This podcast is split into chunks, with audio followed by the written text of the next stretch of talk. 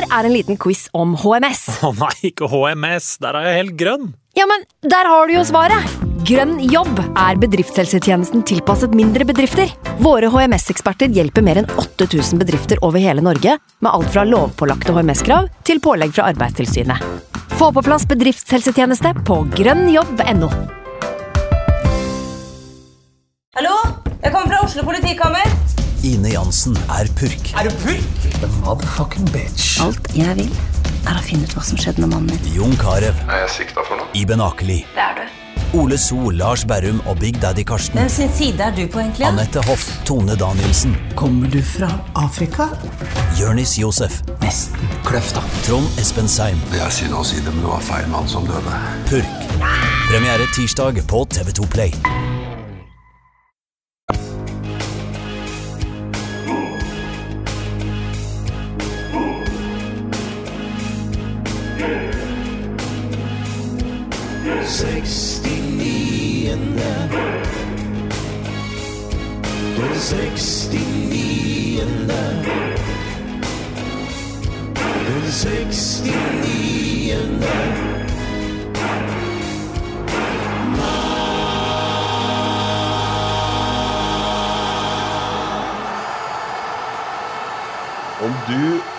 var lei av Jonas og Frank uten meg, så skjønner jeg deg veldig, veldig godt. Og jeg var lei meg for ikke kunne være der, jeg også. Men endelig er jeg her tilbake, dessverre med Jonas og Frank, klar for å komme i ørene deres nok en gang.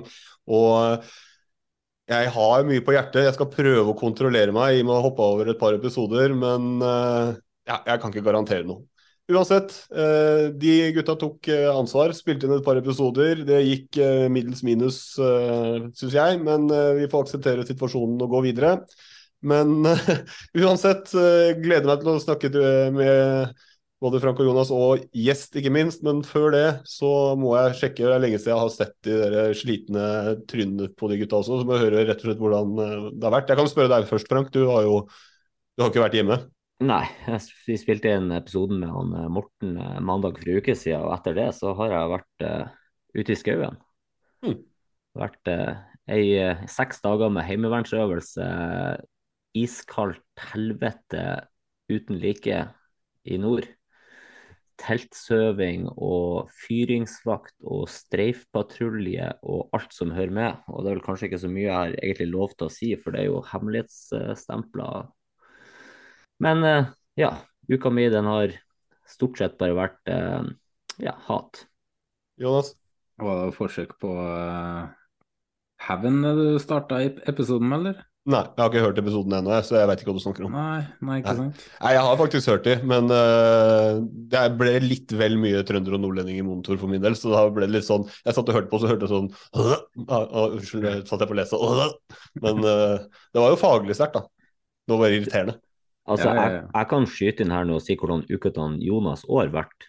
For selv om at jeg har vært ute i skauen, så har jeg jo fått sjekka telefonen litt grann nå og da. Ikke så mye at jeg får oppdatert meg helt, men det er jo, det er jo helt åpenbart at han har kjeda seg den siste uka. Han har vært hjemme alene med ungene, eh, kjerringa har vært på jobb. Det er egentlig han en, det er en korrekt oppsummering av uka mi, faktisk. Jo, men det, det er jo lett å se når du sitter der med det her skitdårlige banterforsøket ditt uh, i gruppechatten vår. Det er sånn at Frank han er i skauen og han kan ikke svare på 24 timer. Og siden at han ikke svarer, så er han sur. Ja, men du var jo sur når du prata, du var jo skikkelig sur. Altså, Frank, nei, Snorre var jo skikkelig Jeg fikk melding til meg på Twitter fra noen jeg ikke vil navngi. Hva som feiler Frank, egentlig? Da har du hatt en ordentlig rant på eh, Twitter, så vi var jo sikre på at eh, nå er han i dårlig humør, og så håper ikke han har skart i, i HK416 sin. Det... Men ja, du oppsummerte uka mi. Jeg har vært hjemme alene med to små barn. Eh, og så har jeg veldig dårlig eh, rygg, eh, som må vedlikeholdes med ukentlig trening. Det fikk jeg jo ikke gjort. Ja. Eh, så det endte jo opp med ja, fem dager hjemme med barn, ødelagt rygg. Og så samtidig som det der, så har jeg leika litt eh, halvbroren til Jim Solbakken. Da. For jeg er jo, som tidligere sagt, eh, keepertrener i Fram Larvik og i Sandefjord ballklubb. Sandefjord ballklubb skulle spille kvalik til NM mot Flint. Og keeperen vår, uh, jinglemesteren Jesper, han var på spilling. Så jeg måtte jo skaffe ny keeper, da. Så jeg tok en Jim Solbakken og henta keeperen til Fram Larvik, da. Uh, så det var jo mye styr da, med å få den overgangen i orden uh, til tida. Alternativet var jo å bruke my more, så jeg var jo pissnervøs hele uka for, å, uh, for at jeg måtte stå i mål den kampen. Da. Men det gikk bra. Ja, det gikk bra, du slapp å stå. Alle var glad. Jeg slapp å stå, og banens beste var keeperen jeg henta inn, så det var, det var fint. Men vi tapte, så det var ikke så fint ute før det er over. Nei, før det har begynt med det. Ja, det var litt kjipt. Vi røyk 1-0, og det var fullt for sent. Ja. Skulle det stått? Nei, jeg skulle ikke det. Nei, men uh, jeg har ikke så veldig mye å tilføye. Som dere vet, så har jeg jo hatt den der uh, avstanden fra Jeg er syk.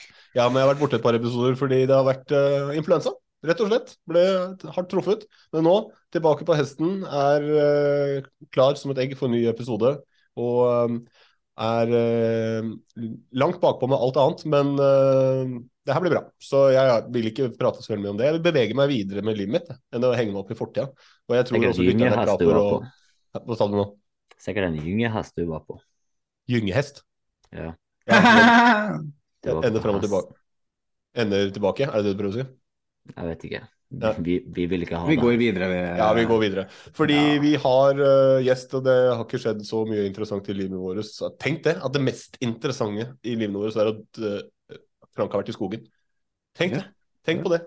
Men uh, vi har uh, fått med gjest, og vi hadde jo for litt siden en liten uh, en liten uh, avstemning om hvem som skulle fylle hvilken klubb som skulle fylle den siste ordinære episoden før vi kommer til seriestart og er i sesong. Vi har jo hatt besøk av uh, gjester fra forskjellige lag, men vi rakk ikke å være innom alle lag før sesongen starta. Men uh, da tok vi til Twitter, for vi klarte ikke å avgjøre. Masse å velge mellom i. Og da var det HamKam som kom seirende ut. De mana troppene til, eh, til kamp og fikk eh, HamKam inn på som siste ordinære gjest. Og det, det blir bra, så da har vi fått med Simen Heister Rosvold. Velkommen. Hei, takk skal du ha. Takk for det. Så Jonas, du eh, hadde en kort intro, hadde du ikke det? Så, Ja da, ja da. Eh, Dagens gjest bor jo i eh, eksil i Karlstad med to barn, og får derfor ikke sett så mange kamper live som han ønsker. Allikevel så får han sett mellom fem til ti kamper årlig fra stadion. Han er en syngende supporter, medlem i supporterklubben, og har vært i alle landsdeler de siste årene for å se hans kjære Kamma. Han har vært med å starte Ka Kammagutter i Oslo i 2013. Han har blogga om eh, Kamma i Hamar Arbeiderblad, og har nå en podkast som heter For Tollkafeen. Velkommen til den 69. mann, Simen Heister Rosvold. Jo, takk. Takk skal du ha. Flott intro. Det er jeg som har skrevet den. ja, det ble, ble dobbel uh, navn, og jeg var litt uh, tidlig på avtrekkeren. Men det går bra. Ja, det går fint. Neida, men vi skal jo prate selvfølgelig, vi skal gjennom andre ting også, men vi skal selvfølgelig se litt på både ditt forhold til Kamma og litt ståa i, i eh, HamKam i dag før sesongen starter. Men vi, vi starter med mm, litt sånn som eh, Jonas var inne på her, var supporteren eh, rett og slett, og den delen der av eh, dette eh, hva var det du sa, dette litt frustrerende kjærlighetsforholdet eller et eller annet sånt du skrev, beskrev det som. Ja, Men ja, vi kan jo starte med først og fremst at du kan si noe om deg selv, hvem du er, og kanskje litt om hvem du er som supporter osv. ja. Jo, jeg er 37 år, tobarnspappa som ble nevnt. Jeg jobber som sykepleier her i Karlstad. Jeg traff en svenske i Oslo. Hun lurte meg hit. Derfor er jeg her. Vi skulle bare ett år, nå er vi bare fem. Planen er en gang å komme hjem til Hamar, men vi får se hva det blir. Nå, som dere var inne på, så er det vanskelig å følge Kama herfra. Spesielt under pandemien var det totalt umulig. Da fikk jeg ikke komme inn i landet engang. Men eh, i fjor fikk jeg med meg ganske mange kamper, og jeg kjører da opp og ned. og Det er, det blir mange timer i bil, men det er det verdt. Jeg begynte som altså aktiv kampsupporter. Jeg begynte å gå på stadion i 99 sånn fast. Det er ganske mange år siden. Da var jeg, var jeg en kompis som Da var Kamma i andredivisjon. Hadde rykka ned, eh, sånn som vi har gjort så mange ganger. Så begynte jeg å gå på matcher. Kosta 20 kroner å komme inn. Eh, Så det var ukelønna. Det gikk til Briskeby. Og etter det så var det gjort Da rykka vi opp. Vegard Skogheim gjorde comeback. Eh, og da var det et turbulent og eh, heftig kjærlighetsforhold som ble lagt til grunnen for det her. Når var det du sa det her var, sa du? 1999. 1999. Så, ja. Um, så jeg var på kamper før det. På 90-tallet så var vi var jo Eliteserien, eller Tippeligaen, eh, før det også. Men da var det en kamp her og der. Eh, men i 99 begynte jeg en kompis å gå liksom fast på Briskeby. Mm. Så etter hvert klarte å nærme oss de syngende supporterne, så ble vi en del av den gjengen der. Ja, og så har det gått opp og ned med både, både prestasjoner på banen og, og følelsesmessig, og opp og ned i divisjonene. Men jeg vet ikke. Det har blitt en del av identiteten min. og Det er, blitt, det er så viktig for meg. Uh, og Jeg er oppdratt med å følge norsk fotball. Pappa var trønder. Han døde for noen år siden nå, men han var trønder. Og hardcore Rosenborg, selvfølgelig. Han ville jeg skulle bli Rosenborg-supporter, men Hva gikk feil? Nei, jeg vet ikke. Jeg bodde i Hamar, da. Så det var liksom det som var laget. Det har vel uh, kunne sikkert vært et enklere liv med Rosenborg, men men på mange sett og vis er jeg glad for at det ble kamma òg. Har det ført til at du har et tettere forhold til Rosenborg enn andre lag, eller har det hatt motsatt effekt? Altså, ble jo, altså, jeg var jo på jeg var på Champions League-kamper som pappa. Eh, så Juventus, en Juventus-kamp da jeg var barn. Men altså, nå, nå er, blitt, er Rosenborg liksom en konkurrent på lik linje med, med de andre. Så jeg kan ikke si jeg har ikke noe sånn Jeg er ikke noen Rosenborg-supporter, ikke i det hele tatt. Men uh, de er irriterende rival, som de er alle de andre. Så jeg kan ikke si det. Men til pappas store forargelse. Han, han, prøvde så, han, prøvde så, godt han kunne, men det var rett og slett den der nærheten til eh, lokallaget som eh, ble avgjørende. Nettopp. Mm. Det var. Og det, det, sånn var det. Han flytta. Så nå har jeg gjort samme feilen sjøl, så Får se hva det blir med ungene mine. Det er derfor jeg flytter fra Trondheim så fort den masteren er levert, kanskje til og med før. Så eh, suser ned til Oslo, for jeg kan ikke ta sjansen på Han er jo allerede trønder, guttungen, sant? Eh, men jeg kan ikke ta sjansen på at han plutselig en dag eh, har vært på Rosenborg-kamp i en eller annen barnebursdag og er solgt. Da. Da er jeg, hva gjør du da? Da er du jo ferdig. Så. Den sjansen kan jeg ikke ta. så Det, det er relaterbart. Men apropos liksom det der som Jonas nevnte med at det kanskje var motsatt. og og liksom, Da må det ha vært litt sånn småspesielt, uh, kanskje med den derre uh, hele Rekdal uh, Eriksen-sagaen, kanskje? Ja. ja. Det var jo det. Uh, eller altså Det var jo på en måte på, vi, Hamar og Kamma har hatt noe sånn veldig problematisk forhold til Rosenborg, egentlig. De har vært så mye større klubb, og det er så langt de har vært så langt borte. Da, så på sett og vis så var ikke det liksom den overgangen noe liksom, problematisk i seg selv, men det var liksom ja, lite, litt omstendigheter rundt og sånn da, som var, var verre. Mm. Ja. Det, det, var det. Det kommer vi kanskje tilbake til. Ja, det var lite frampek eh, akkurat der. Men uh, vi skal ikke fokusere så mye på Rosenborg, det blir deilig. Uh, vi kan heller uh, snakke litt mer om ditt forhold til uh, det å være supporter. Fordi Jonas ramsa opp at du har gjort en god del forskjellige ting. men altså, nå er du jo i Sverige, som sagt. Men hva, hvordan, hvordan, er det å være den avstandssupporteren med tanke på sånn supporterklubben, arrangementer og, og ja. engasjement, da, kanskje? Ja, nei, det er altså du, du mister en del da, når du ikke bor i den byen. Det kjenner jeg veldig. Men Altså, det har gått ganske greit. Jeg bodde i Oslo før jeg flytta hit. Det var jo nærmere, men der var det også, var det også litt problematisk å komme seg på alle hjemmekamper og sånn. Så man, man, klarer det på sett og vis. Det blir mye at du, det er mye nett og, og meldinger, og du, man har et kontaktnettverk, så du holder deg oppdatert gjennom mm. det. Så er det en ganske åpen klubb. ganske lett, Det er ganske lett å få kontakt med folk. Så f.eks. Espen Olsen, som, jeg, som, var sportssjef fram til nå, vi, han sendte jeg liksom melding med kunne sende melding med på Twitter liksom her og der og spørre hva, hva skjer her, hva blir det der. Og så, og så det ganske, har det vært ganske åpent og lett å, å få informasjon eller holde seg mm. oppdatert. Jeg kan jo si meg enig i det. Akkurat den biten, den nærheten, umiddelbare nærheten til at du kan eh, ja, sende en twittermelding eller ha en diskusjon med noen som eh, jobber i og rundt eh, klubben. Eh, Ja. Den, eh, det har kanskje vært med på å sementere for meg at norsk fotball ligger eh, enda nærmere hjertet enn eh, den engelske vi også har fulgt i perioder, da, eh, veldig tett. Så det, det blir noe med det der. Men når, eh, når du eh, som, som supporter må sende litt meldinger, og sånn, det blir litt rart spørsmål, men eh, vi sitter jo og gjør akkurat det samme, sitter liksom hver for oss på, i podden her i hver vår by, så vi vet at du får det til å fungere. Men hva, hva savner du kanskje aller mest eh, med å være liksom tilknytta, eller være tett på supportermiljøet, da?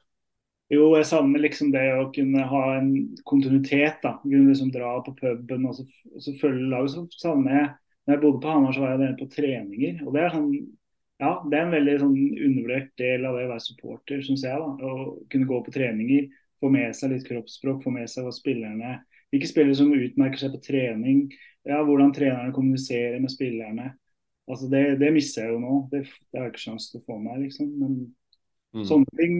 Og så er det det bare dra på puben og eh, før alle kamper og kunne liksom ta en øl med, med supportere og, og prate, prate skit. Mm. Det, jo, det får jeg ikke til så ofte, da. Jeg må ofte kjøre opp og ned. Så ja. Jeg, før, I fjoråret så var jeg edru på flere kamper. og det, det, det er jo litt Det har jeg ikke gjort før. Da Da har det vært ofte noen øl. Mm. Ja, du har ikke muligheten til å ta den overnattinga og så suse Jo da, hjem igjen? jo da. Jeg har jo familie her, så jeg Ja. bor, bor jo hos de iblant. Mm. Så jeg er glad i lørdagskamper. Ja, det er lettere å jobbe rundt, ja. Ja, det det. Mm. Så mandagskamper derimot, den, den er verre. Nei, det blir tøft. Ja. ja. Nei, men vi kan ta det litt videre. Du mm, var jo mm, Du nevnte jo sjøl at du hadde bodd litt i Oslo og det var enklere å dra og sånn, men da starta du eh, noe som het Kammagutter i Oslo. ja. Nei, vi Altså, da altså, Oslo er veldig nære Hamar, og det har alltid vært mye kampsporter i Oslo. Det så vi jo mot Vålerenga i fjor. Da, ble det jo, da var det jo 2000 på Intility. Eh, og det var jo ikke alle de som bor fra Hamar. Det er veldig mange som bor i Oslo. Så vi var liksom en betydelig gjeng da, som var på puber og som dro på kampene på Østlandet. Så I 2013 så bestemte vi ja, men vi organiserer litt og drar i gang litt. og skaff, Vi skaffa oss en pub og ja, litt som kan sammenlignes med Viking-Oslo f.eks. De har også fått en veldig sånn oppsving med det her. Det samme gjorde vi da i 2013. Vi liksom organiserte oss litt. Vi arrangerte turer fra Oslo. Eh, Busser eller tog, Ja, vi- kjørte, Vi kjørte også busser til hjemmekamper, faktisk. Leide busser i Oslo Mm. til enkelte hjemmekamper. Og så dro på alle østlandsturer. da. Så det ble liksom en kompisgjeng, da. Eh, En gruppe liksom som, som klarte å følge klubben veldig tett. Og skape et litt Oslo-miljø rundt Kamma. Hvor mange var dere da? Nei, altså det kunne være det kunne være alt fra ti til Og så var det enkelte kamper eh, der det var liksom flere hundre, da, når det var sånn Oslo-kamper og sånn. Da ble det sånn venner av venner. Og, ja, ganske, ganske betydelig stor gjeng, egentlig. Så det ble liksom, den vokste veldig. da. Eh, Så det, det har vært eh, Det var veldig kult å få til, egentlig. Og Man så jo det spesielt på i, når vi var i andredivisjon. Spesielt i 2017 så kom det en sånn Oslo-avdeling med Skeid og Koffa og Grorud og sånn. Og da var vi liksom Da var vi jo flere hundre supportere på mange av de, de kampene der. Mm. Var det, er det operativt fortsatt etter at du eh, Ja, det er jo det. Eh, Det er jo fortsatt mange som bor Mange har flytta hjem til Hamar eller andre steder, men det er fortsatt eh, aktivitet der, ja. ja, Hvilken hvilke pub var det dere samla dere på, da? Det var litt forskjellig. Vi var, eh, vi var Det var brune puber, da. Vi var på Kafé Lån, var liksom den eh, kammerpuben da, som ligger i samme gata hvis du er kjent i Oslo. Og så nå har det vært Linken på Torshov de siste årene. Mm. Så der eh, er det noen kammersupportere som hører på, så får de møte der. Så er det ofte en gjeng som sitter der på i hvert fall de kampene som, ikke, som er i ja, f.eks. Bodø eller Tromsø, eller sånt, der det ikke er så lett å ta seg. Mm. Jeg, jeg kan jo anbefale da alle alle Hamar-gutter som er fortapt i storbyen, om at det, det finnes et alternativ. Altså, det beste alternativet er jo bare å konvertere til Vålerenga, selvfølgelig. Og bare bli med, bli, come over to the dark side. Men uh, hvis ikke, så vet du i hvert fall Bli med skipet ned, mener du? Ja, ja. Er, det er alltid plass på skipet. Så noen må spille fele også, eller fiolin, når skipet synker. Sant? Så det blir bra, det. Men, uh, nei, men da vet i hvert fall folk, uh, hvis noen hører på der ute, at det er et miljø der som er operativt ennå. Så det er bare å ja, huke tak i. Definitivt. Mm syns jo det er helt eh, nydelig å høre eh, at noen tar det eh, initiativet der, da, som Simen har tatt. Og det er jo en oppfordring egentlig til alle supportere i en stor by som Oslo. fordi at i hvert fall Glimt i sør og Viking og litt forskjellig har masse gode supportermiljøer i Oslo, men det er også klubber som sliter med å få det der i gang. Og da trenger de nok bare Kanskje noen bare trenger et spark i ræva. Så det er kjempebra det dere har gjort der, Simen. Så oppfordring til resterende supportere som kanskje ikke har den tilknytninga lenger pga. de bor langt, eh, langt hjemmefra i gåsetegn. Ja, eller bare begynne å holde med Vålerenga. Det er like greit. Men uh, vi Nei, men jeg, jeg, skjønner hva du mener. Men det er et litt artig poeng. Vi kan sikkert ta det en annen gang også. Uh, men Oslo er jo litt spesielt på det, for jeg har bitt meg merke i det at det er en del sånn grupperinger. Du nevnte det selv, Simen. Viking Oslo. Uh, du har Glimt i sør, som er spredt rundt på Østlandet. Du har Ålesund, har vel en egen liten fraksjon som jeg har i hvert fall delt supporterpub med Stoke Citys supportere. Sånne ting. Så det, det, er jo litt sånn spesielt Oslo-fenomen at det er en del Oslo-grupperinger fra lag rundt omkring hele landet. og det på, på, godt og vondt for Vålerenga sin del, da, men det er jo et det tyder jo på at Oslo er jo et levende fotballmiljø da, som er representert uh, i, ja, egentlig, av hele landet, egentlig. Det er jo en innflytterby, eller det er mange innflyttere i Oslo. Det er mange som ja, Dessverre kanskje for Vålerenga så er det mange som ikke føler helt den der tilknytningen til, til Oslo. Vi har jo faktisk Kammer-supportere som er født og oppvokst i Oslo, som har Ja, de har klart det. da, Det er fedre som har gjort jobben der. da. Mm. Klart å oppdra ungene sine til, det å holde med kamma. Så vi er faktisk, det er flere Oslo-gutter som faktisk holder med kamma. Merkelig nok, men ja, det, men det, det, er jo det er, det er litt som du sier, at det er påvirkningskraft eh, fra foreldra. Det hadde det vært for uh, hyppig uh, påvirkning og målretta arbeid som gjør at man ender der man ender. Da. Så det, sånn er det for noen. Så vi, vi, må gå litt videre, fordi du har gjort såpass mye at hvis vi stopper helt opp, så får vi ikke snakka om alt. Men eh, det var dette her med, med blogg. Du hadde blogga om Kamma òg, altså? Ja, vi, ja. Det var, eh, det var bare én sesong. Ja, Gaute Helstrups sesong i, i, i Kamma. Så, så kom jeg i kontakt med Hamar Arbeiderblad, så startet jeg en blogg, en supporterblogg, der jeg bare skrev om det jeg ville, egentlig. Eh, og fikk litt penger for det. Så det var liksom Det var veldig ålreit å kunne liksom både skrive litt fra supporterperspektivet og samtidig Ja, det var ikke mye penger, da, men det var liksom en liten biinntekt da, som jeg kunne få. Så det var veldig fint. Men så kom pandemien, og da skulle de kutte. Så da ble det slutt mm. på det.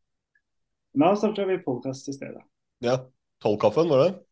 Tollkaffen, ja. Eh, navnet speiler på Det er en sånn veterangjeng som møtes hver fredag, som mange klubber har. da, så er det en sånn gjeng med gamle grå gubber som møtes hver fredag klokka 11. Så de kaller det for Elvekaffen i Kamma. Mm. Og Vi skulle være en sånn yngre supporterversjon av det, tenkte vi da. Så det er meg og broren min og sønnen til Ståle Solbakken, faktisk, som eh, Sondre, som driver den podkasten. Der vi prater om Kamma. og det som rører seg rundt. Prøver å gjøre det litt fra, en, fra et supporterperspektiv. Fortelle litt om hvordan det var på turen, og hvordan, ja, liksom litt rundt. Hvordan det var på puben, og hvordan matchen var fra, fra tribuna. Jeg hørte en episode i dag, faktisk. Måtte innom og høre åssen det var. Var interessant på det. Det var uh, det jeg tok fra den episoden jeg hørte, at dere sitter igjen med like mange spørsmål som det alle gjør om kammer nå, egentlig. Men det kan vi ta etterpå. Jeg har ingen spørsmål om Kamma. Jeg vet at det kommer til å bøtte inn med mål fordi jeg har Henrik Gudal på topp. Så det er bare å ta helt med ro. Dette kommer til å gå så bra, så.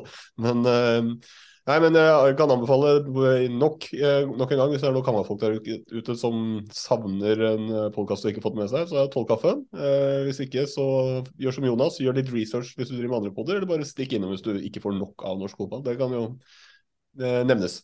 Men skal vi rett og slett gå videre, eller? Ja. ja. I'm a snake. I'm a snake. I'm a snake. I'm a slithery little snake snake. Som sagt så går vi videre, og ingen uh, ordinær 69-episode uten at eh, uh, Snake, uh, eh, slangen, må diskuteres. Men in, i dag med en aldri så liten vri.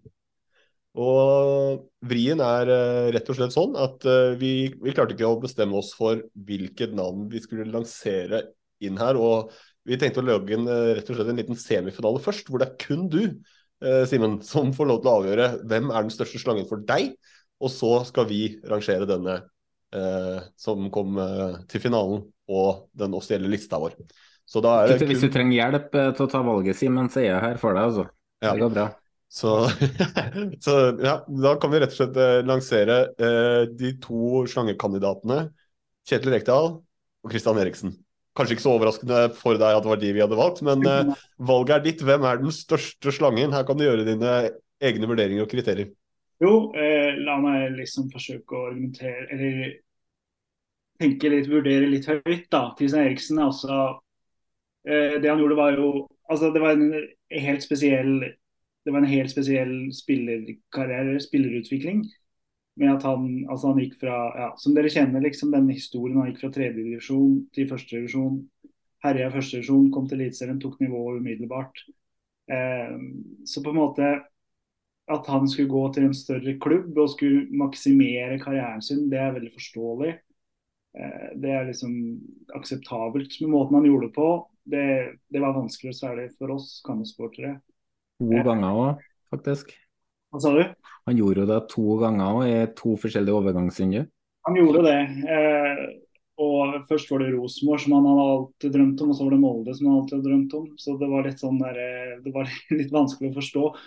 Veldig mye tyder på at det der var veldig agentstyrt. Eh, eh, det, var... Det er jo litt eh, likt han eh, Berisha, som alltid har drømt om å spille for eh, tilskuerne i Sverige, og nå har han alltid drømt om å spille for de tre tilskuerne i Molde. og Ja, det kan sammenlignes, absolutt. Eh, Eriksen, ja, man kan absolutt betrakte han som en slange. Han, eh, han pressa fram den overgangen. Men samtidig, 15 millioner.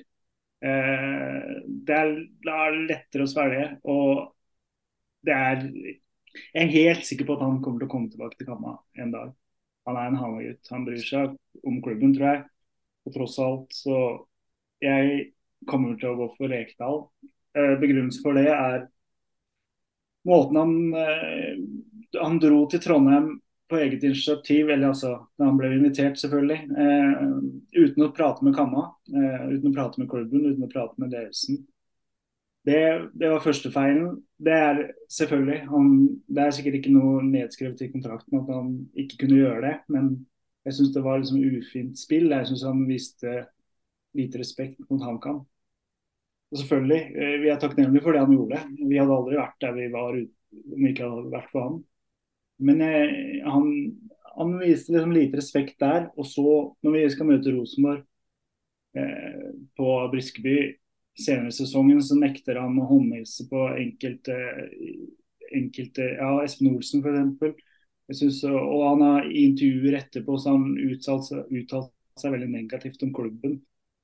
Et, annen, et, annet aspekt var hvordan han prøvde å hente Stan Rogers først, når, det, når HamKam hadde en opsjon som han helt tydelig visste om, for han var jo i klubben da når opsjonen ble var nedfelt i kontrakten. Og likevel så prøver han, han å hente han før, eh, før HamKam hadde innfridd den opsjonen. Det også syns jeg var ganske ufint spill, da. Så derfor er Kjetil Rekdal min eh, slange.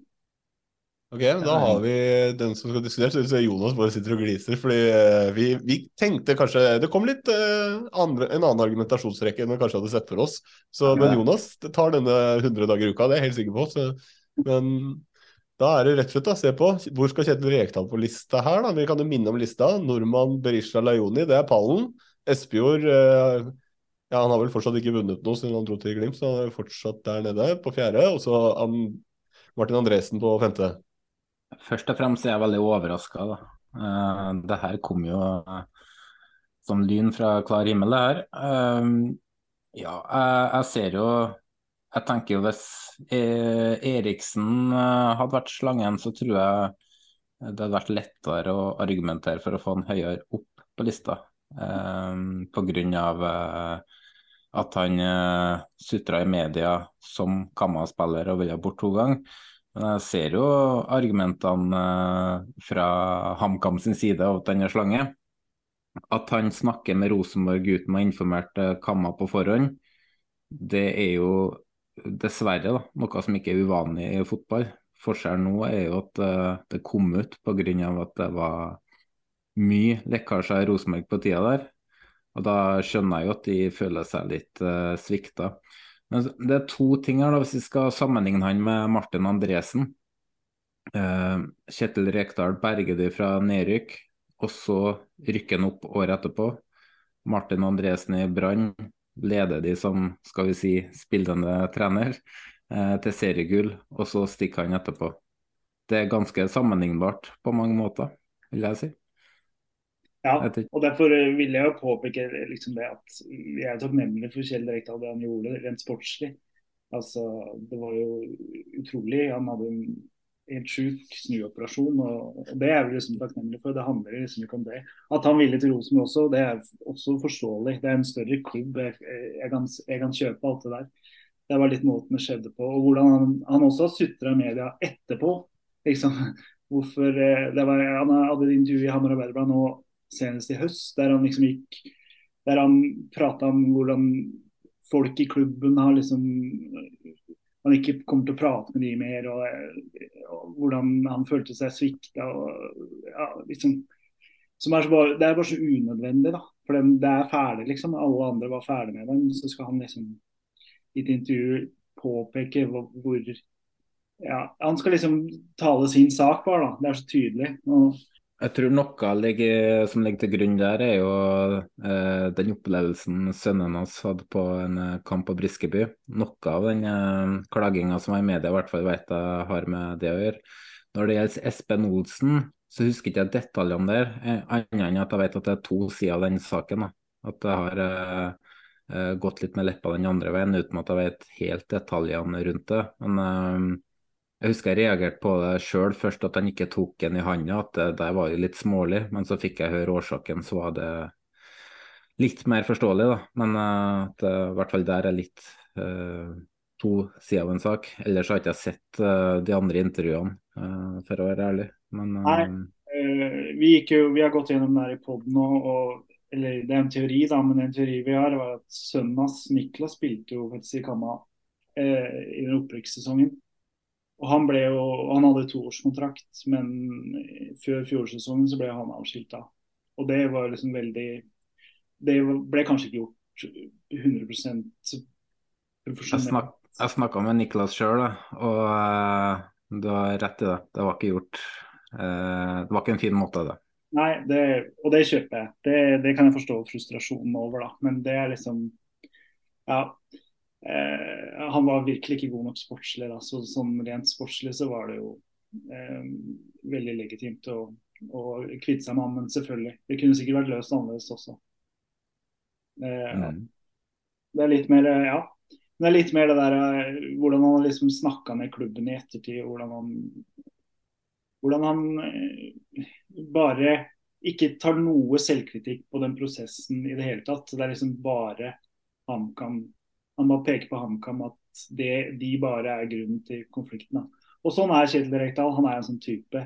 Er ikke, han, det er derfor han er en bra trener og en vinnertype. Liksom. Han, ja, han ser på seg selv på en viss måte, og det, det, gjør han sikkert en bedre trener, men det gjør han kanskje ikke til en super person på alle vis. Frank, du er jo den eneste av oss fire som kanskje er ja, i hvert fall den som er mest nøytral. For eh, Snorre har jo jeg har hatt Rekdal eh, to ganger tidligere og opplevd uh, suksess. Uh, han er i Rosenborg nå, han har vært i Kamma. Hva tenker du i forhold til de femmene som, som står på lista? Det er jo Altså, jeg, jeg, jeg, skjønner veldig mye av det han Simen sier her. vi har jo hatt han Kjetil Rekdal som gjest i en episode tidligere. Lytterne må gjerne gå tilbake og høre den han, han, Kjetil Rekdal sier jo ting veldig rett frem når han uttaler seg. Han er veldig åpen, han er veldig direkte, han kan sikkert oppleves kvass. Eh, han har jo også lagt, aldri lagt skjul på det at han har spiller hardt, men vært fair når han har vært spiller. Og det er vel også et premisslinje han har lagt seg på som trener også. Eh, samtidig, jeg, jeg, forstår veldig godt at eh, HamKam-supportere reagerer på måten ting skjedde på. Uh, det at han, han, blir på en måte kaptein som hopper fra skipet uh, når skipet fortsatt har gått sånn høvelig greit inn til kai og er klar for å liksom kjempe med de store guttene. da. og så klart, Rosenborg storklubb, han har drømt om å få lov til å starte i en storklubb og alt det der. Det må jo vektlegges begge veier, men jeg forstår veldig godt hvorfor HamKam-supportere reagerer. Uh, også det her med det at det blir skitkasting i ettertid, og det er jo sikkert der folk flest reagerer. Det at uh, HamKam henta, eller Rekdal henta spillere fra HamKam. Uh, og, og, så er det veldig ofte sånn at uh, trenere liker å hente spillere Det reagerer Rosenborg-supportere på òg. jo, jo, men det er ofte sånn at uh, trenere liker å hente spillere de har kjennskap til fra, som de har hatt tidligere. Og så er det jo litt sånn uh, trenere som går fra en klubb til en annen, de sier gjerne også sånn, til sin tidligere arbeidsgiver at hei, det er greit, jeg forlater nå, men jeg skal ikke ødelegge det vi har bygd opp her. Dere skal få beholde spillerne deres. Det er jo veldig ofte også. Og så allikevel så første han Rekdal gjør, er å hoppe på det her og bare ribbe HamKam for spillere. For det opprykkslaget til HamKam, det kunne nok eh, faktisk hevda seg enda bedre enn hva det de til slutt endte på, da.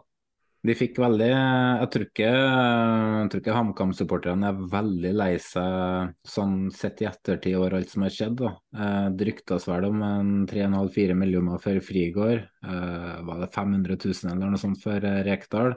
Samla sum så er det ganske mye for trenere. Sam Rogers var det 6 eller 7 millioner der. Så de har jo, de har jo fått ganske bra betalt da, med tanke på at Kamma ikke har solgt for de summene der uh, tidligere. Men hva er det du mista når du mista, når du mista både en trener og en assistenttrener? Da står du ganske på bar bakke. Altså Det er greit at det ligger noen penger der, men du, du, du, må begynne helt på nytt og bygge opp. Se det i ettertid, da, så har det ikke vært veldig uheldig med treneren de har fått inn. Sånn eh, med fasiten i hånd. Jeg vet ikke hva du tenker der, Simon? Jo, jo. Eh, Jakob Mikkelsen er en eh, veldig kompetent trener. og Det var et lykketreff. Eh, absolutt. Eller lykketreff, det var jo kompetent, eh, en kompetent avgjørelse av styret og daglig leder. men så det er ja, absolutt. Men jeg, altså, tanken har jo slått meg hvordan vi hadde gjort det med Kjetil Rekdal. Man fikk bygge videre på det han hadde hatt allerede. Uh, ja, det er absolutt. Og, men også at han la inn et skambud på Christian Eriksen som det første han gjorde også, syns jeg liksom Ja, jeg vet ikke. Uh, han dro opp prisen nå. Men eh, skal vi rangere eller finne en plass på lista? Jeg syns Frank skal svare først, da, siden han er litt mer nøytral. Eh, det blir litt inhabilt plasseringa jeg velger. For jeg, vel, jeg ville valgt både Rekdal og Eriksen over Espejord. Men jeg syns allikevel begge to ville vært under Lajoni. Så om det er inhabilt eller ikke, å plassere han begge to ville jeg plassert mellom der, da, som per nå vil være en fjerdeplass. Jeg tenker Martin Andresen er en større slange enn Rekdal. Du vil ha en Rekdal på sjette? Ja, det, jeg prøver å se nøytralt på det, men jeg prøver å sette den opp mot uh, Martin Andresen, uh, som uh, Jeg syns ikke den måten han dro fra Brann på var sånn superille, men det var det mer lovnadene han ga Brann-fansen før han dro. Han skulle ut i Champions League, og et kvarter etterpå så sitter han med verdens største trenerteam eh, i Vålerenga. Og Snorre hadde jo noen argumenter for hvorfor Martin Andresen var en uh, slange uh, mot klubben. Uh, og så har du hele, hele personen Martin Andresen da, som jeg syns er mer slange. Mm. Jeg lander nok litt på at jeg er jo ikke helt jeg er jo ikke helt nøytral i spørsmålet Rekdal heller, men for min del så er Rekdal uh, nederst på den lista uh, av, uh, av, de, egentlig. Og det er fordi at jeg opplever at, sånn at det han gjorde for HamKam, kanskje oppleves mer slangete når du er HamKam-supporter, men utenfra for min side så er det sånn det her er ting jeg føler jeg ser spillere og trenere gjør litt over en lav sko. når den situasjon, sånne situasjoner oppstår, at man snakker eh, seg litt, prøver å snakke seg bort dit og melde litt der. Så jeg, jeg, reagerer kanskje ikke like kraftig på det, men jeg tror kanskje at hvis det hadde vært meg i Vålerenga og han hadde gjort det, så hadde jeg nok reagert på akkurat samme måte. Så det, jeg ser jo den, men personlig så faller han nok under de andre på lista. Men eh, det er ikke bare opp til meg her, da. Det skal sies at Martin Andresen er jo ikke noen liten slange. Det, han er jo en uh, Vi har jo uh, fem gode kandidater fra før på lista, det må jo sies, da. Ja, og Det blir i hvert fall ikke topp tre, det kan man i hvert fall si. Det, for min del. Altså, det er ganske uaktuelt. Men, ja, nei, men det er sånn jeg tenker. da, Men Simen, du kan jo få siste ord inn på hvor han skal på lista, så må vi bare oppsummere. Ja, vi snakker om Martin Andresen og lovnader til Brann-supporterne. Så kan det jo også skytes inn at Kjell Reita også sto ja, med det Elvekaffen, den veterangjengen. Eh, noen uker før han gikk til Rosenborg, så sa han også til de eh, at han ikke kom til å forlate HamKam for en annen norsk klubb. Så mm. for liksom veteraner i klubben, så Nei, dere får bestemme. Men uh, for meg så er han en, en stor slange. Men uh, selvfølgelig. Uh, jeg, jeg, er farga. Jeg ser det med kamerabriller. Så Hvis du skal gi til en plassering, da, så må vi bare Frank finne og, Frank og Snorre får ta den, ja. Men bare for å nevne Espejord, da. Han går til en rival. Ja da. Ja, da. Nei, jeg, jeg, tenker alle her har sitt forhold til Rekdal, bortsett fra Frank, som er mest nøytral. Så det er tunge på vektskåla, Frank. Det får du, og du har jo sagt hva du mente, men da kan du si det også helt. da. Han er jo ikke, han er jo ikke nøytral når han eh, drar den bak Espejord. Det er jo ikke rettferdig at, det er jo ikke rettferdig at jeg skal sette eh, Jeg som en, som 25% her, skal sette eh, det endelige resultatet. Men eh, jeg mener Det spriker det... såpass mye, da. Uh, ja, ok, men Da får folk si en plassering, så tar vi snittet. Vi, vi er fire Én. Jeg, jeg, jeg, jeg sier fjerdeplass.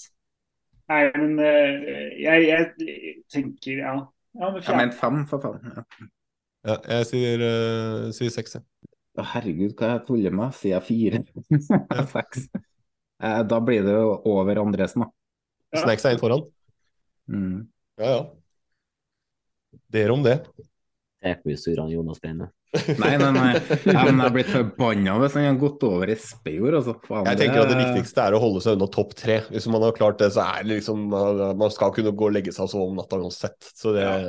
Jeg, kan, jeg, er ganske sikker på at uh, det skal mye til for å toppe, uh, toppe nordmannen på denne lista her. Uh, men vi har noen navn i framtida som utfordrer Berisha på andreplass, tro det eller ei. Ingenting er umulig. Men da, da, sa vi det, da. At det var uh, den uh, Hvilken plass var det du sa? Så slutter vi der. Femte. Femteplass. Femteplass. Gratulerer.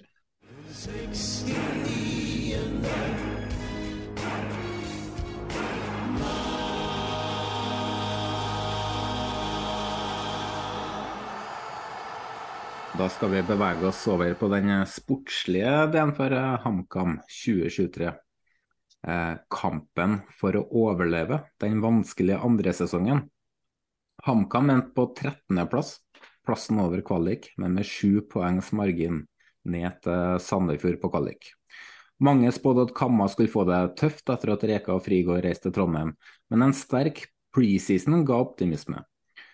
Eh, det var vel sju seire, én uavgjort og ett tap uh, i treningskampene. Og etter 13 seriekamper sto faktisk Kamma kun med to tap. Dessverre for Kamma ble det kun tre seire, da hele åtte kamper endte uavgjort. Poengfangsten i neste 17 kampene var ikke all verden, hvor de tok 14 poeng. Men heldigvis for Kamma var det tre lag som leverte en meget svak sesong poengmessig. 31 poeng i comeback-sesongen må uansett sies å være godkjent. Spesielt med tanke på den berømte 30-poengersgrensen ble tatt med ett poengs margin. Nå kommer den vanskelige andre sesongen, og mange, inkludert oss i panelet, spår at Kamma skal få det veldig tøft. Og vi må vel innrømme at uh, per i dag så er de uh, fort på nedrykksplass. I motsetning til i fjor, uh, hvor resultatene i preseason var imponerende, har denne vinteren her vært svært begredelig. På ni treningskamper har det kun blitt én seier, som var en 1-0-seier over Fredrikstad.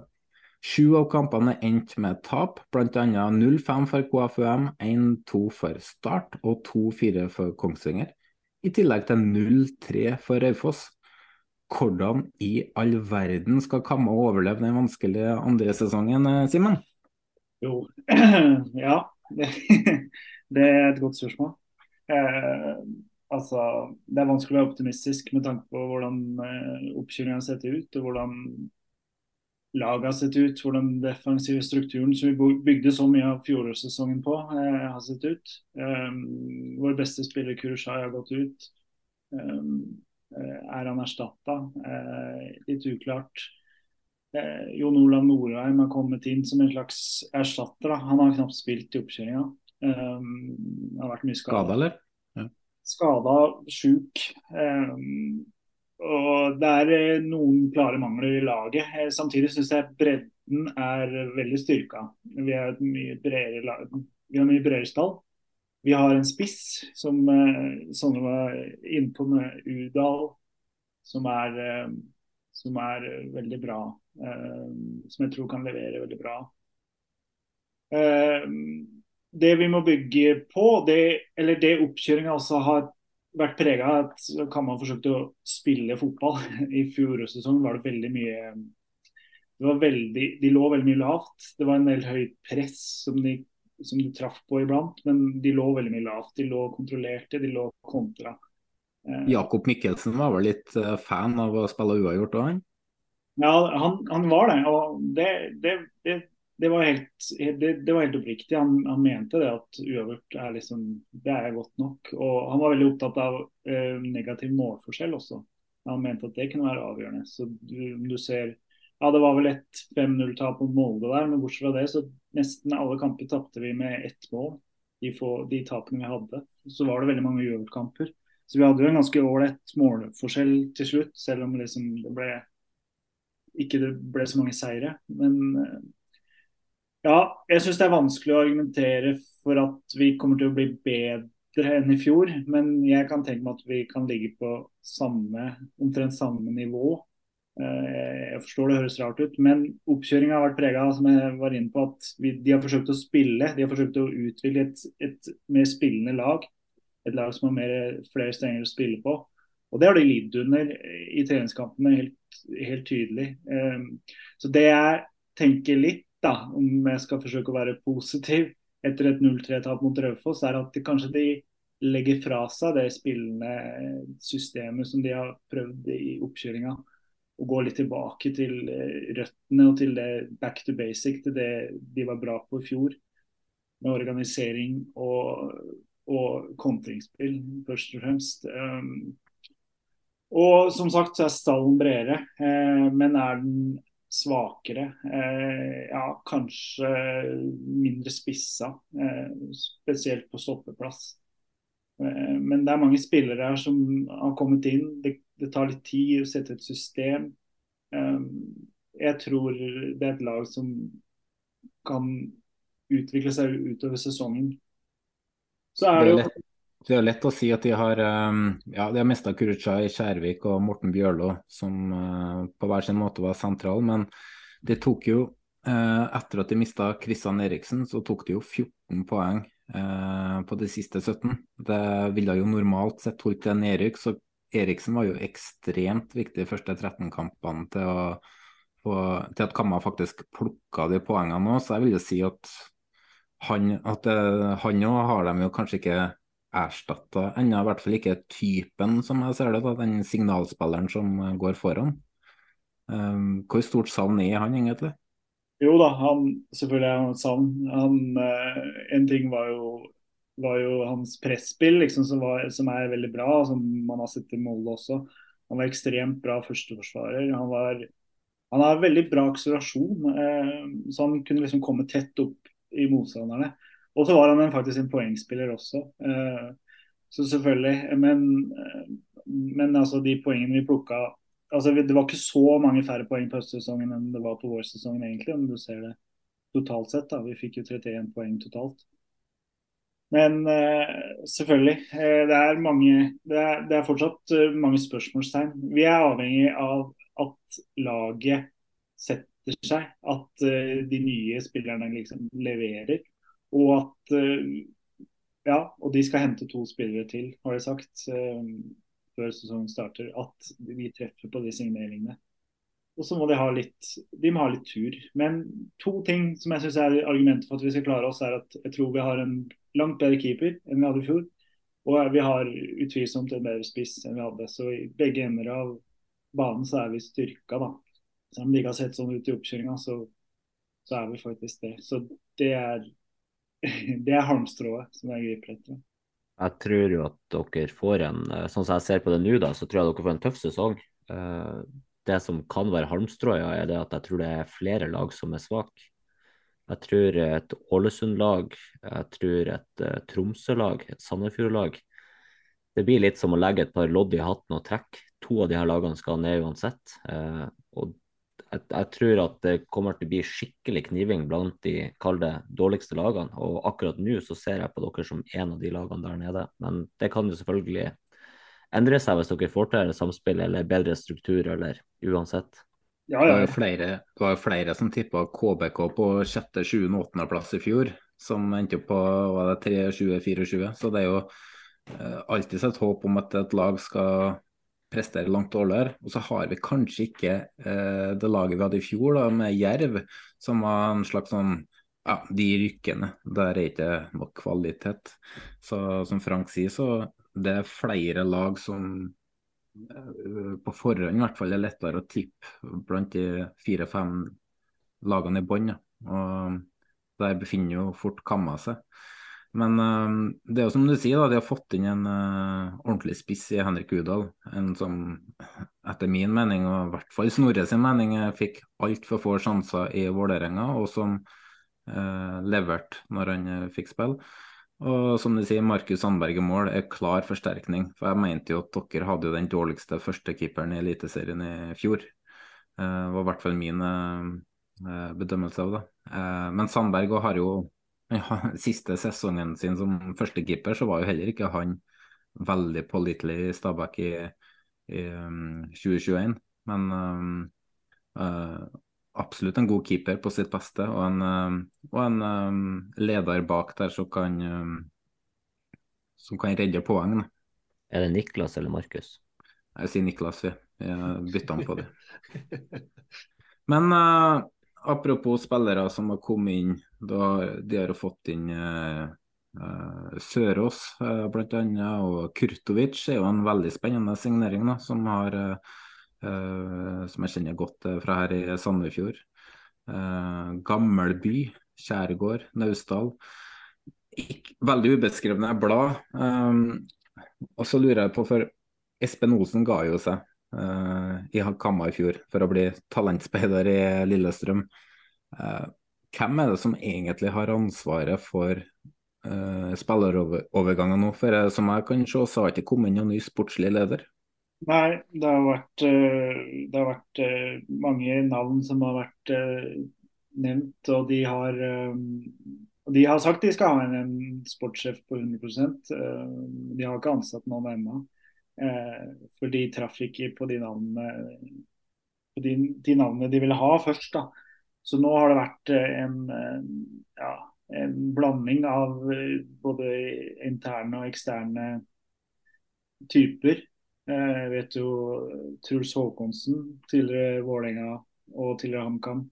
Han er jo styret. Han har vært involvert i en del. Eh, han har kanskje ikke det der eh, han, er jo, han, har, han er jo full jobb ved siden av, så han har liksom ikke den tiden til å se.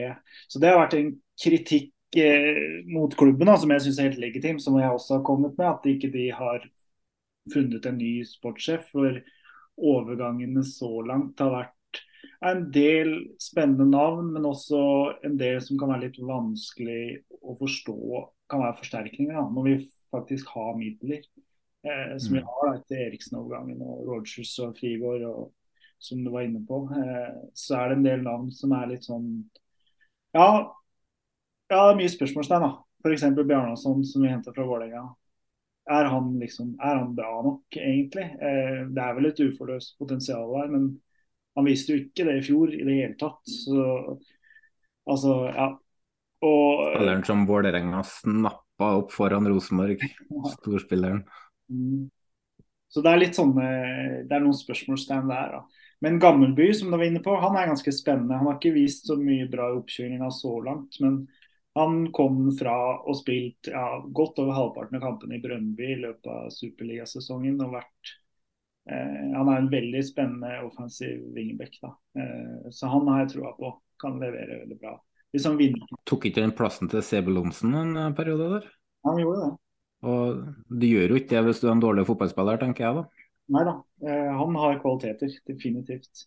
Som du, vi har sett litt i oppkjøringa, glimtvis. Men han må også inn i systemet. Han må Ja, vet ikke. Han er, han er, han er liksom kone og barn som flytter oppover til ham. Han kanskje leter hus. Altså sånne ting spiller inn. Det er ikke alltid lett, og spesielt i et lag som har måttet prøve, forsøke å finne seg sjøl, så er det ikke så lett å liksom glimte eh, glimtre der. Da. Så eh, Det er sånne typer som, som, jeg forventer kommer til å levere utover sesongen. Da. Eh, sånn som han og en annen spiller som eh, heter Oliver Kjærgaard. Han, han, var i Tromsø for noen år siden, leverte ingenting der. Men han har vært, liksom, han har vært fast på et lag som har kjempa om opprykk i Danmark. Eh, Danmarks nest øverste divisjon flere ganger. da. Og han er en av få som faktisk har sett bra ut i oppkjøringa. Så det er en spiller som, som, jeg tror kommer til å levere på et bra eliteserie nå. Mm. Jeg, eh. jeg, forstår alle som tipper han kan ned, det, det, det, forstår jeg. Men jeg kommer ikke til å sette på meg på noe sånn nedrykkstog etter en dårlig oppkjøring. Det vet jo du Jonas, liksom med oppkjøringa i fjor. Det var 3-0 mot Raufoss der også, så Det er et godt tegn, da.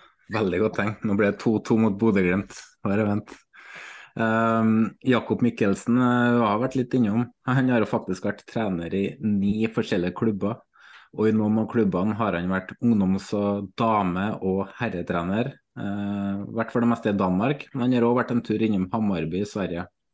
Men i 2012 til 2013, da var han trener for et landslag. Vet du hvilket landslag? Spør du meg? Ja. Tanzania. Ja, det var litt sånn Wow, fra Tanzania til Kamma. Den, eh, den veien er lang. Nei, han er, jo, eh, han er en sånn der type som aldri har hatt en fotballkarriere. Han har liksom bare gått den der harde skolen og, og trent, liksom begynt med barn, barnefotball, damefotball, og så, og så har han bare bygd seg opp. da. Så det er en veldig, altså Han er en spesiell type. Han er utrolig kjedelig i alle intervjuer. Han sier bare kjedelige ting. Men han er, han er populær i spillergruppa, og, han er, han er veldig, og alle skryter veldig av han. Så jeg tror jeg har veldig trua på han. Jeg syns ikke han er så kjedelig i intervju, for jeg syns han er veldig intens.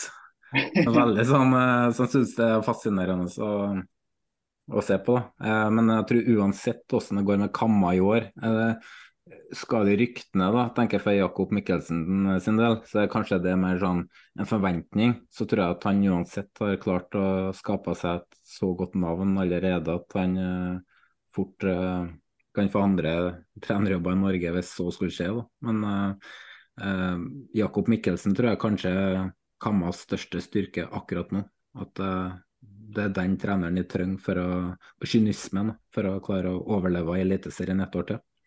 Men uh, uh, ta Sandefjord f.eks., der jeg bor. De har jo en uh, målsetting om å etablere seg som et topp ti-lag i Norge over tid. Har HamKam en sånn målsetning, eller er de bare fornøyd med å være opp og si hei? Altså, det er ikke noen sånn uttalt ambisjon om topp ti eller noe, men det tror jeg absolutt de har. vi er jo på en måte med tanke på historien vår, så er vi er et heislag. Eh, jeg tror det, her, det er veldig mye eh, Det er veldig mange krefter i Hamar som vil at det skal være et stabilt eliteserielag der nå. Og det er veldig mange eh, det er veldig mange krefter i Innlandet, i fylket, som, som skjønner nå at HamKam er flaggskipet. Vi har en, et samarbeid med flere lokale klubber, bl.a. Lillehammer, som er en ganske stor by. som nå sender de talentene til oss liksom fordi de forstår det at det er, det er den veien. Det er sånn det skal være. Eh, så jeg vet ikke, det er ikke noe Jo, de har vel kanskje nevnt i noen sammenhenger at de har lyst til å etablere seg. og Det, jeg, det tror jeg de har potensial til å gjøre òg. Eh, selv om vi skulle rykke ned i år også, så tenker jeg at det er såpass mange positive ting som skjer i klubben nå at eh, jeg, tror vi er, jeg tror ikke vi går den samme tunge veien nedover. Spørsmålet er om de er rig rigga for det. Eh, det er jo Tåler de nedrykk økonomisk og har en stamme som blir i laget, så er jo eh, mye gjort. Men uh, før vi går videre. Uh, vi, vi, hører jo ganske lite fra HamKam, vi som er følger med andre lag. da, Utmerker seg ikke så mye i media. Men det er én ting som har vært litt mer oppmerksomhet rundt enn andre ting, og det er jo stadion. Mm. Hva er det som skjer der nå? Eh, hva, hva, blir det på langsida? Blir det et uh, borettslag, eller blir det skråning, uh, kirkegård? Hva, hva, hva, skjer? Jo da, eh, de, er, de, er, i gang. De bygger, eh, bygger en tribune. Eh, altså, hvor skal jeg begynne? Det her er en eh, harang, det er en lang historie. Men det ble beslutta at politihuset som ligger i vegg vegg med Briskeby, skulle utvides. Måten de skulle gjøre det på Eller kommunen eier jo Briskeby. Kommunen skulle spare penger eh, gjennom å bygge ut Briskeby og bygge ut politihuset samtidig. Så det ble en slags kombinasjonsløsning. Så det skal være et politihus på toppen av tribuna. Det er liksom det nyeste. Det er i gang. De bygger nå. Eh, den blir større og større. Eh, men altså, ser, de tegningene som har vært ute, har, vært, har ikke sett bra ut. Det har jo sett ut litt som en sånn der eh, nesten Mjøndalen? Mjøndalen-løsning, ja, og det, det, vil vi jo egentlig ikke ha. Jeg har jo faktisk vært på Briskeby eh, i var det 2006, tror jeg. Da møtte jeg ei dame på, eller dame, jente på Nettby. Så da fikk jeg mamma til å kjøre meg fra Fosen til, til Hamar. Um, så da var jeg så på Abiodun, uh, dunka inn og golla mot uh, Kongsvinger og det ble en fin feiring senere på kvelden uten å gå i detaljer på det. Jeg var jo på Men, Briskeby i, eh, i, fjor. Det var ikke pga. Nettby. Det var bare for å dra på kamp. Så, ja. mm. Vi skal gå videre, vi. Uh, vi skal jo um, gå gjennom litt av lagene uh, som kanskje må forsterke seg. Vi tok noen lag uh, forrige um, sending. det vil si vi skal snakke om lagene som må forsterke. Og, og eh, det vil si, jeg trenger ikke å snakke om Bodø-Glimt, som har uh, trippel dekning på hver posisjon, eller Molde, som er godt rusta, Brann, som ser bra ut. Men uh, jeg var jo litt inne med Rosenborg sist sending, og bare for å ta de veldig kjapt, da. Du sa jo det i stad, Simen, at det som er fint med norsk fotball og HamKam, er at man kan sende melding til de som jobbe i klubbene og få svar. Så jeg, jeg gjorde jo det sjøl. Sendte en eh, melding til Rekdal og fikk svar om at eh, de så seg rundt etter spillere. Men jeg skal veldig mye til for at jeg henter noe. Sjøl om de har fått inn penger fra Vecchia og eh, Hoff. Så er det fortsatt lite penger å rutte med. da. Men uh, nå har det skjedd en endring der. Sæter uh, måtte ha med strekkskade i går. Hvis han må være ute i fire til seks uker, så kommer det fort en ny spiss inn til Rosenborg. Ålesund, hvem skal skåre målene? Hvordan trussel har de offensivt? Vi har jo omtalt de som en um, potensiell nedrykkslag. Det skal vi snakke om uh, neste uke. Etter min mening det gråeste og kjedeligste lagene, eller laget i Eliteserien akkurat nå. Soleklar dumpekandidat, men de slipte, kommer til å slippe inn få mål. Men hvem i all verden skal skåre målene? Der må det komme inn en uh, spiss. I Godset er det mye ungt og spennende. Utviklingsbare spillere med bra potensial, men de bør kanskje få inn litt mer rutine. I uh, Sarpsborg så er jeg veldig usikker på hva målsettinga til klubben egentlig er. Skal de etablere seg topp åtte? Skal de ende midt på tabellen? Skal de unngå nedrykk? vi hører ingenting fra Sarpsborg.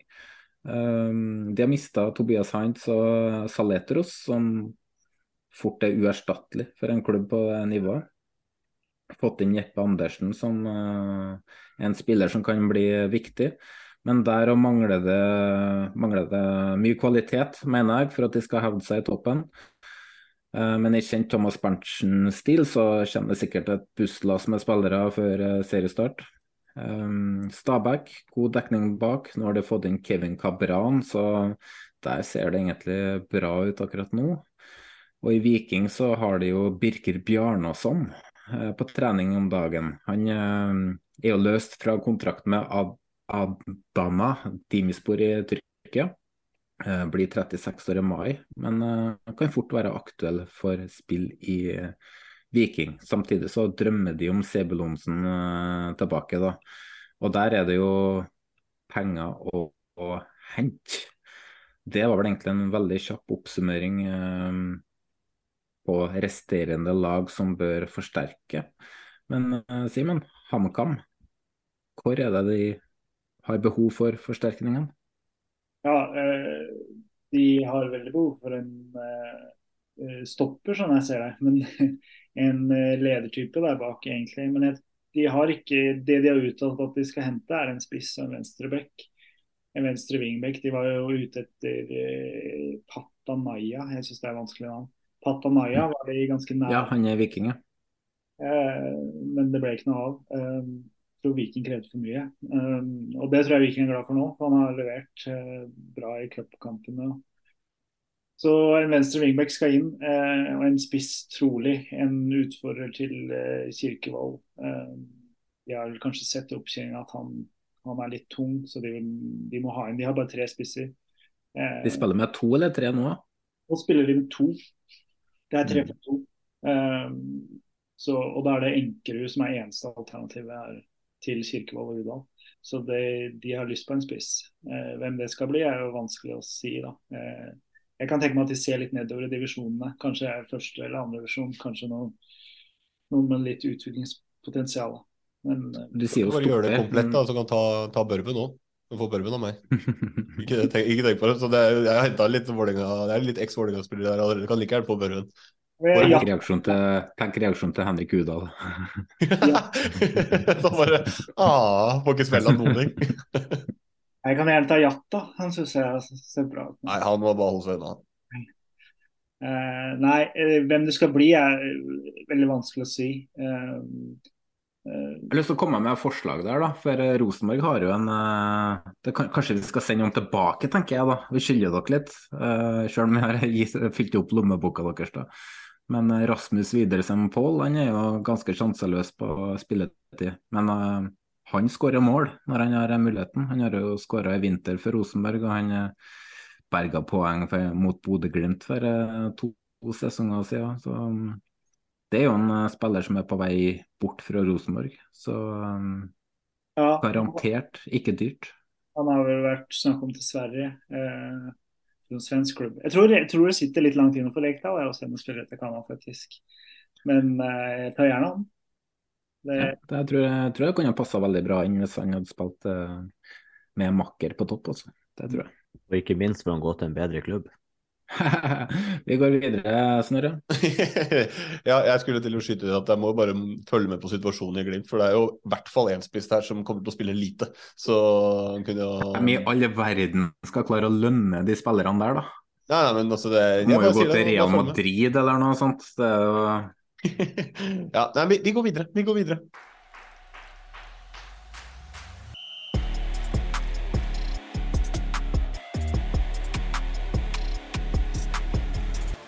Det var jo sånn at uh, sist gang når jeg uh, ikke fikk være med, så testa dere å sette opp en uh, ukens elver. Nordland-style, eller Nord-Norge-style. Nordland ble feil å si. Men da var, det, da, var det, jo litt vel mye Nord-Norge og litt vel mye Jonas for min del, så jeg satte på 2,5 speed på, hørte på denne delen og bare rasa gjennom. Og så begynte jeg å tenke på det her må man jo kunne få gjort med Østlandet òg. Det er det vi skal denne uka. Så nå skal vi rett og slett gjøre det samme som forrige uke. Og sette opp en tidenes elver fra 1995 til og med eh, 2023. Tidenes elver fra 1995? Er ikke det, ja, men det er du som skriver det her, ikke, ikke skyld på meg. Ikke skyld på meg, ikke spill meg i døden for at du skriver Tidenes elver fra 1995. Tidenes elver. Jonas sin Tidenes elver. Fy faen. Hva sa du nå? Ingenting. Nei. Frank, Frank, Frank, rekker opp hånda febrilsk her, hva er det du prøver å si? Altså, jeg skjønner jo det at dere er jo helt udugelige på å planlegge bare for at jeg er i skauen. Altså, når vi tar nordnorsk elver, så er det basert på et folketall på eh, en halv million innbyggere. og Nå skal vi ha hele Østlandet. Det har vært mye smartere å kjøre Innlandet med litt i underkant av 400 000 innbyggere enn hva nesten 3 millioner innbyggere. Ja, men når du ligger ute i telt i skauen og ikke kan leie inn fordi du er sur på Jonas, så, så, så blir det sånn. Da, da, da blir det sånn. Da, da, er det Jonas som bestemmer, og det blir tidenes elver fra Østlandet fra og med 1995. Jeg var inne på Innlandet, men jeg begynte å se på spillerne, så tenkte jeg det her går helt fint. Det er ikke Når vi ender opp med en elver nå, så er det ikke sånn uh, sikkert at det laget her hadde slått Nordlandselveren. Så det var for å få litt mer kvalitet. Men, det, blir jo, eh, det, blir jo, et godt lag for at vi har så stort å ta fra, men det har vært mye spe mer spennende å ta fra Innlandet og så fått litt variasjon på laget. Nå blir det jo bare landslagsspillere fra alle. Det er bra start på spalten. Det er skikkelig det er fint for den som skal høre på. oss. Så skal snakke ned spalten før vi har sagt ett eneste ord om en spiller. Men det her blir sikkert kjempebra. det er god glid nå. Så, nei, men eh, vi, vi, prøver da på Østlandet elver, da. Vi skal, vi prøve, og så får du heller si hvis det blir for dårlig, Frank. Kan ikke si det sånn. Det funka jævlig bra å mute Frank sist, forresten. He heia Nord-Norge. ja, men uh, Jonas har fått vilja si.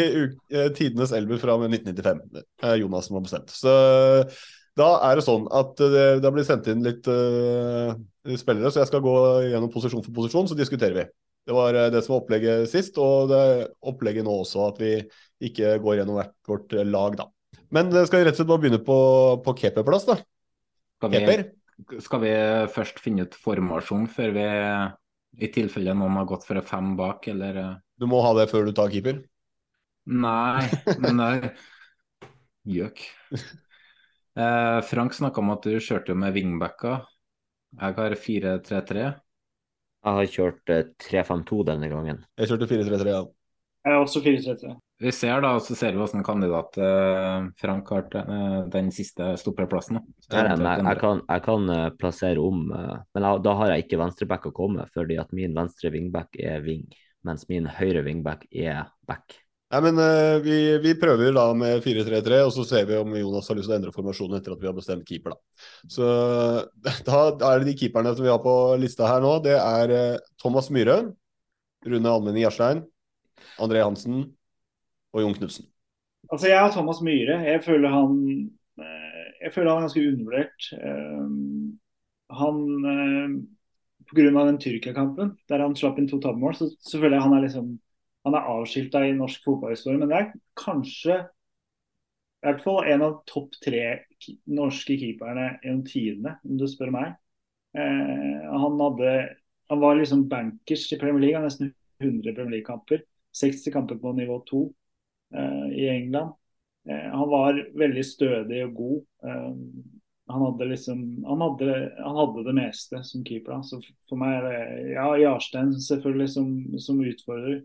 Men en jævlig kul historie da, der han liksom var en helt OK eliteseriespiller til å bli liksom fast i, i Bundesliga for 164 kamper. Men eh, for meg er det Thomas Myhre.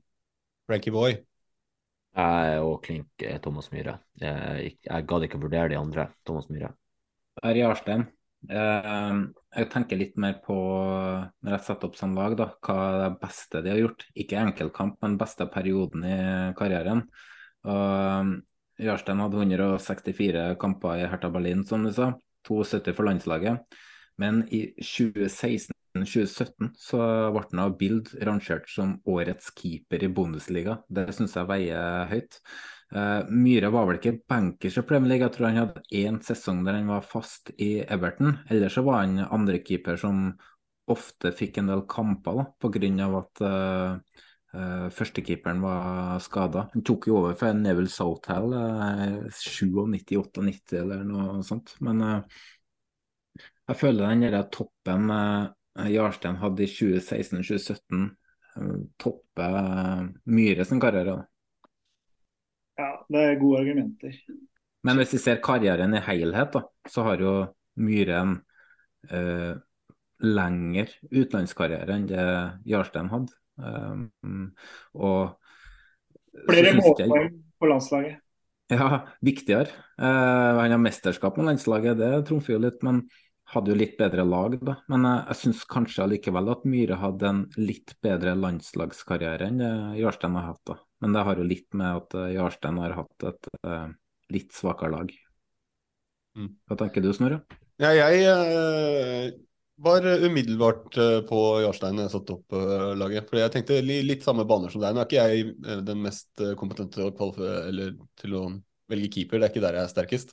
Men uh, jeg tenkte litt i samme baner. da. Den der toppen han hadde i, uh, i Bundesliga og faktisk var arrangert som uh, den ble rangert som den beste keeperen i Bundesliga, det, den veier høyt. Og så er det, han har av de på lista, så er det den keeperen med solklart flest landskamper.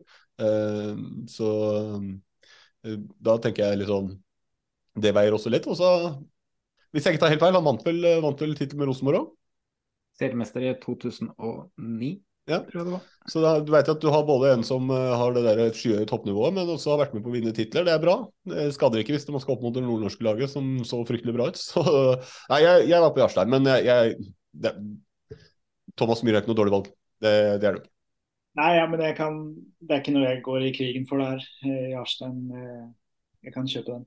Mm. Jeg går heller ikke i krigen for han Myhre her, altså, men uh, samtidig han står, han står i en landslagsepoke der han har enda tøffere keeperkonkurranse. Ja, ja, jo, på en måte sa han jo det. Uh, nå var Myhre andre keeper, helt til Frode Grodås ble for gammel. Så var neste utfordrer da, var jo en keeper jeg ikke har lyst til å si navnet høyt. da. Uh, en skalle? En skalle? En skalle, jeg blir ikke navnet hans i podkasten her. Men eh, etter det så var det vel ikke all verden over. Det Håkon Oppdal som tok plassen etter Han fikk vel ikke stå noe mer etter at han kasta ballene i mål mot uh, Tyrkia. Da kommer Håkon Oppdal inn og gjør det samme.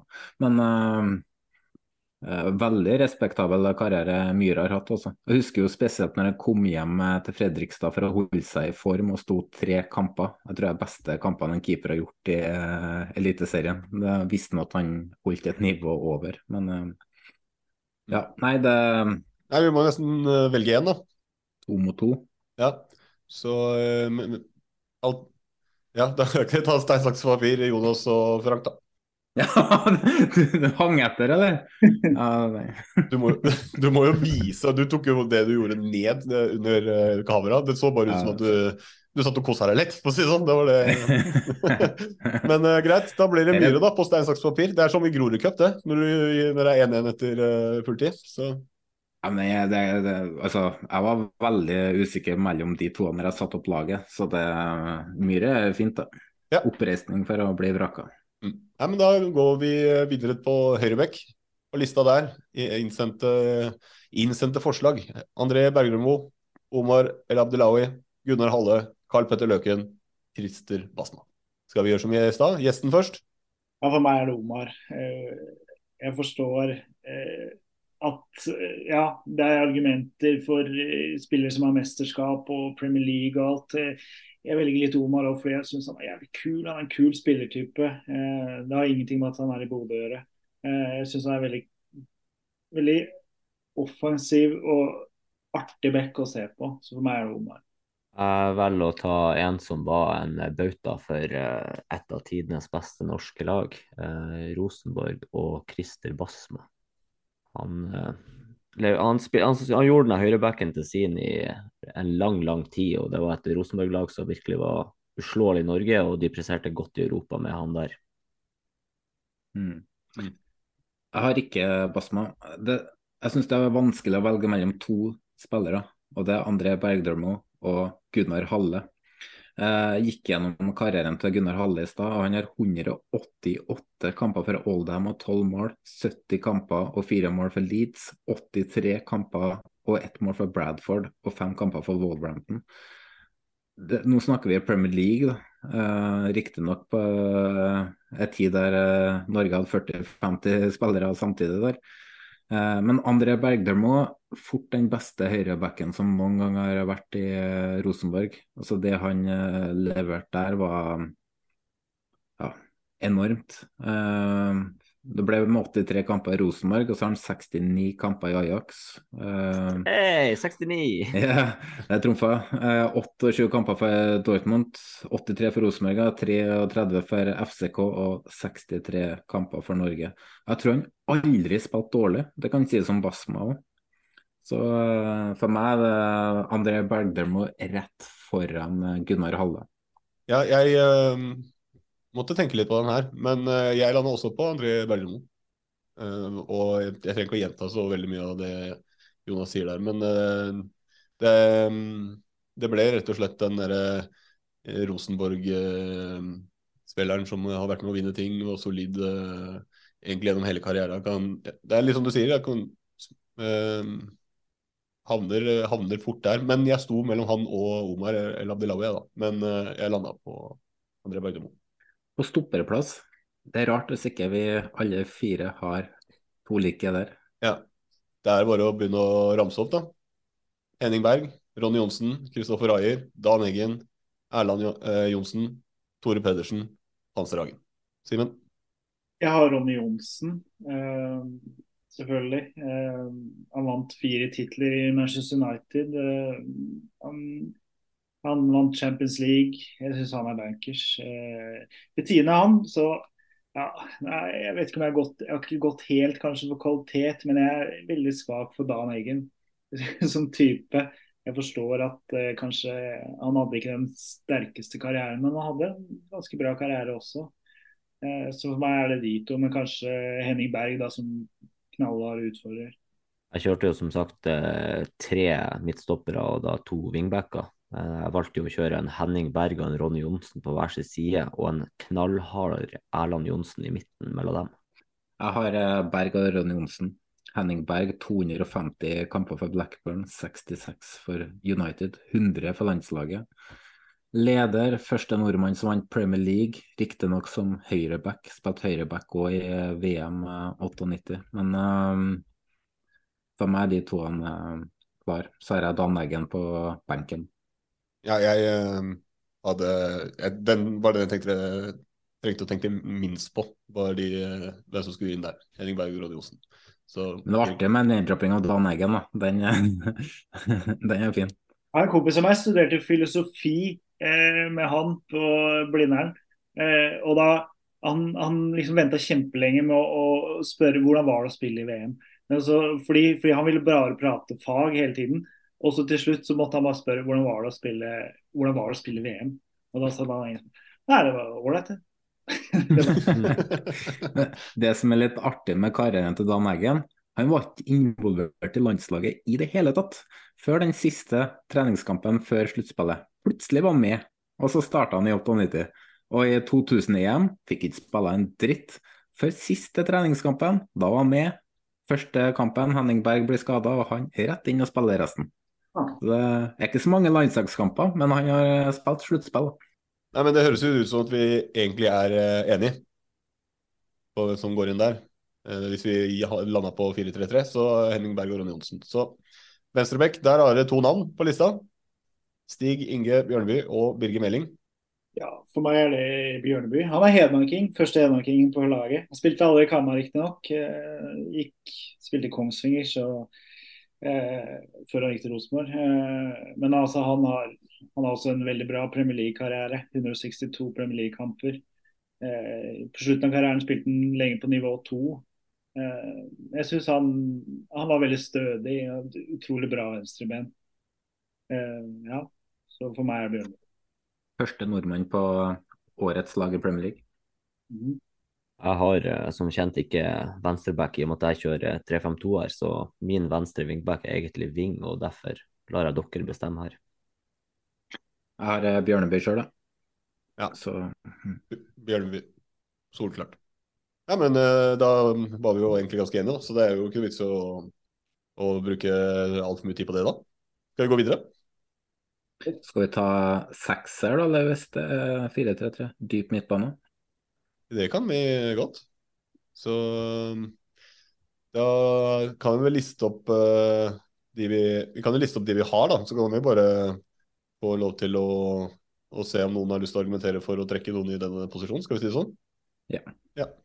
Eh, De vi har på sentral eh, midtbane, Ståle Solbakken, Lars Bohinen. Vi har da Var ikke det, Jonas, at du måtte si at vi har definert han som østlending? Ja, Lars, Lars Boinen ble litt grinete på Twitter for at ikke vi definerte han som nordlending, siden han har bodd der første 14 årene i livet. Men Så- eh, vi, def, vi definerer han som østlending, så uh, Vi, vi kan vel egentlig kalle det en forglem, forglemmelse, det der. Hva sa du? Vi kan vel egentlig si at det er en forglemmelse. Jeg var jo klar over at han var født der oppe, men han har gått rett i glemmeboka, dessverre. Jeg visste at han var født der, og det var jeg klar over òg, men ikke at han har bodd der. Det... Og så gjør vi opp for det med å definere han som østlending og hive han inn i eh, diskusjonen om eh, østlandslaget. En nordlandskvote. Ja. ok, men etter Lars Bohinen så har Martin Ødegaard, Sander Berge, Bent Skammelsrud, Martin Andresen, Morten Thorsby og Tommy Svindal Larsen. Mm. Jeg har eh, Skal jeg da bare ta sekseren, da? Først. Der sto det, det var, altså For meg så blir det Ståle Solbakken. Han spilte en del indreløper også, men eh, for meg er Ståle Solbakken Altså, han er på en måte Gud og Jesus som hellig ånd i én person. Så jeg, jeg kan liksom ikke utelate han. da, og Jeg forstår at det kommer en, en en, alternativer som sikkert er bedre sportslig, men for meg så var han, han Hvert lag trenger en ledertype. Eh, det laget her har mange ledertyper, men han var lederen og over lederne. Han, ja, han syns jeg fortjener en plass her. Jeg skal også ha han eh, Ståle Solbakken inn på laget, men ikke i sekserrollen. Jeg skal ha han Bent Skammelsrud her nå, og Solbakken vil jeg komme tilbake til på indreløper. Så Mm. Bent, Bent Skammelsrud er klink eh, soleklar sekser for meg i det laget her. Ja, han var min utfordrer også, Skammelsrud. Eh, ja, han syns jeg var utrolig elegant. Eh, og ja, Han var en jævlig intelligent spiller, så jeg kan være med på, på han på den dype. Men jeg vil ha en Ståle Solbakken. Vi må ha én som har spilt i Canada. Uh, jeg er Vi kan diskutere den etterpå. Den er, den, det er tight på indre løper, altså. Men uh, Solbakken er en fin eh, kandidat. Men uh, sekser for meg og Skammelsrud. Uh, jeg syns det blir snakka litt for lite om Bent Skammelsrud. 272 kamper for Rosenborg, 56 mål som sekser. Det er samme rollen som Patrick Berg har i Glimt. Um, fikk åtte kamper i Leverkusen, men opplevde et samlivsbrudd og flytta hjem igjen. Han er nominert til Ballon d'Or og fikk et poeng der. Og fra 92 til 2002 så spilte han ikke en eneste sesong uten å bli seriemester. Eh, Rosenborg ble aldri Rosenborg eh, etter at Skammelsrud ga seg, før Ole Selnes kom. Så sekserrollen for meg er den viktigste rollen du har i et 4-3-lag. Og ja, Ben Skammelsrud også. Det er spiller. Ankeret er hjertet i laget. Mm. Ja, nå har ikke jeg noen ny kandidat her. Jeg må innrømme at eh, den har gått meg litt hus forbi. Jeg spurte om det før sendinga. Ben Skammelsrud, ja. Han var født på Østlandet, ja. Det var den uh... Rakkestad. Ja, tror det, den, så den var aldri inne hos meg, så det har egentlig ikke noe å si. Jeg tenkte litt annerledes. Jeg tenkte vi skulle litt nyere. Jeg hadde lyst til å argumentere for uh, eventuell uh, at eh, Sander Berge burde ha vært dyrka i den sekserrollen. Men, eh, men uh, han kan jo spille både høyre, uh, høyre kant og indreløper og sånn, så det får bli, uh, bli en annen greie. Men jeg må helt ærlig si at jeg vil la meg veldig overbevise av Bent Skammelsrud når det først er tilfellet. Men uansett hva jeg sier, så vil ikke det endra utfallet her heller. Så da, da tror jeg bare lar de med argumentene få lov til å lansere den der, ja. På indreløperplass, da. Eh, vi har to spillere. Skal vi bare name-droppe begge to med en gang nå, Simon? Så uh, ja, da, da har jeg Ståle Solbakken og Martin Ødegaard. Eh, for meg blir det. Eh, Ståle Solbakken er jo Ja, vi var jo inne på han, men, men altså hvordan, hvordan han liksom drev Lillestrøm. Ja, for øvrig, han har én kamp mer for HamKam. Det er HamKam, det er den klubben han har flest kamper for. Han har én kamp, han har 100 kamper for HamKam, 99 for Lillestrøm. Og hvordan han var hele det Lillestrøm-laget. Hvordan han gikk til Danmark. Vinner med Aalborg og vinner med FCK. Og eh, jeg vet ikke, jeg, jeg forstår, jeg kan forstå sportslige argumenter, men han, han var, ja, Vi snakker om at Skammelsrud var hjertet i, i Rosenborg, men Solbakken var hjertet i alle lag han var i. Eh, også Martin Ødegaard, jeg vet ikke.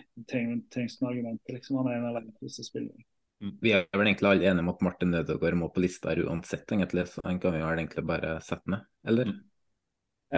Jeg har, jeg har samme som eh, han Simen. Jeg har Martin Ødegaard og Ståle Solbakken. Ståle Solbakken er for meg i dette laget fordi at han har lederegenskaper som går utpå absolutt alle andre.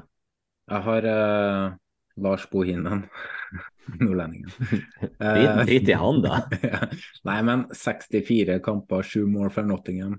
59 kamper, 7 mål for Blackburn. 56 kamper, 1 mål for Derby. Og 49 kamper, 10 mål for Norge. Eh, jeg har ikke helt statistikken til Solbakken her, men jeg har ikke engang Solbakken på benken, ser jeg. Men eh, for meg er det Lars Bohinen, men jeg ser argumentene for eh, Solbakken òg.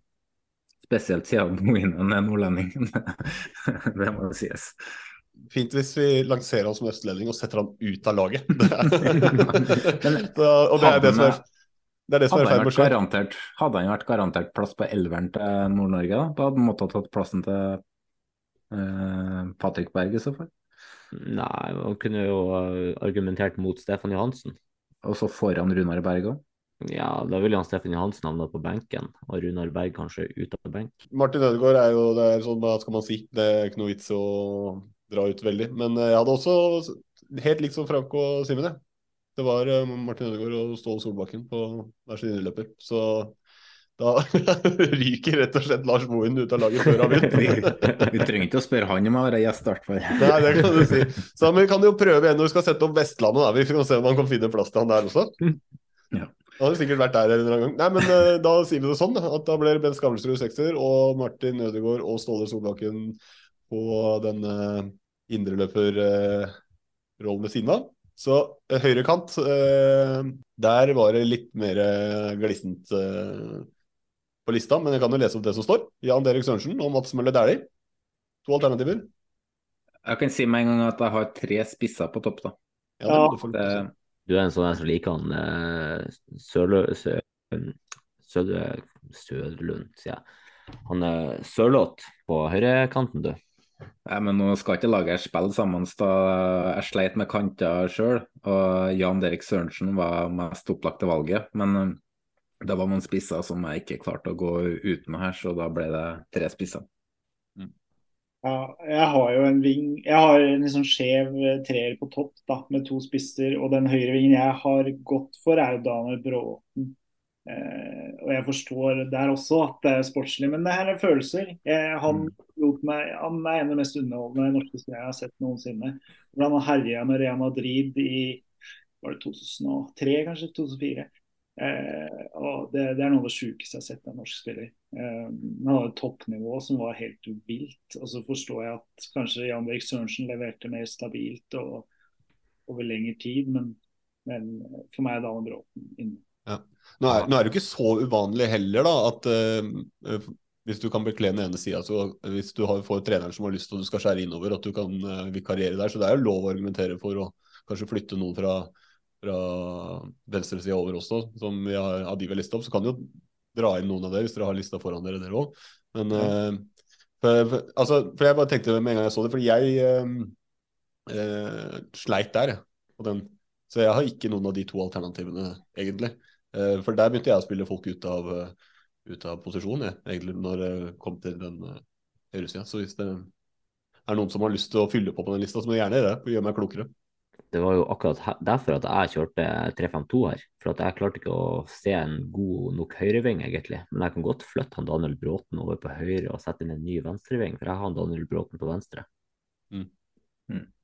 Jeg var inne på Daniel Bråten, men jeg syns eneste jeg kan ta fra han, er at han hadde veldig bra toppnivå. Men han leverte jo aldri på høyt nivå over tid. Eh, noen av klubbene han har vært i. Jeg har lyst til å dra hele spissrekka mi og bare bli ferdig med det, så eh, går det greit, eller? Ja. For jeg har Joshua King, Jon Carew og Moa.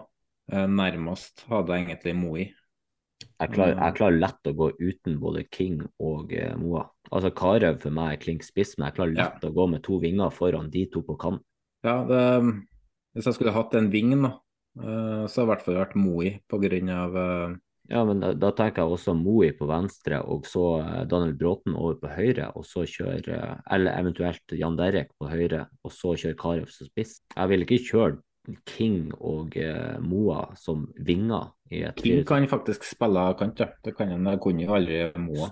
Så, så vidt. Når har King, når har King vært god på kant? Men hva med Sander Berge, da? Han kan jo spille høyrekant, han. jeg var- jeg syns ikke han var så ille i helga som mange skal ha det til. Altså. Men eh, ja.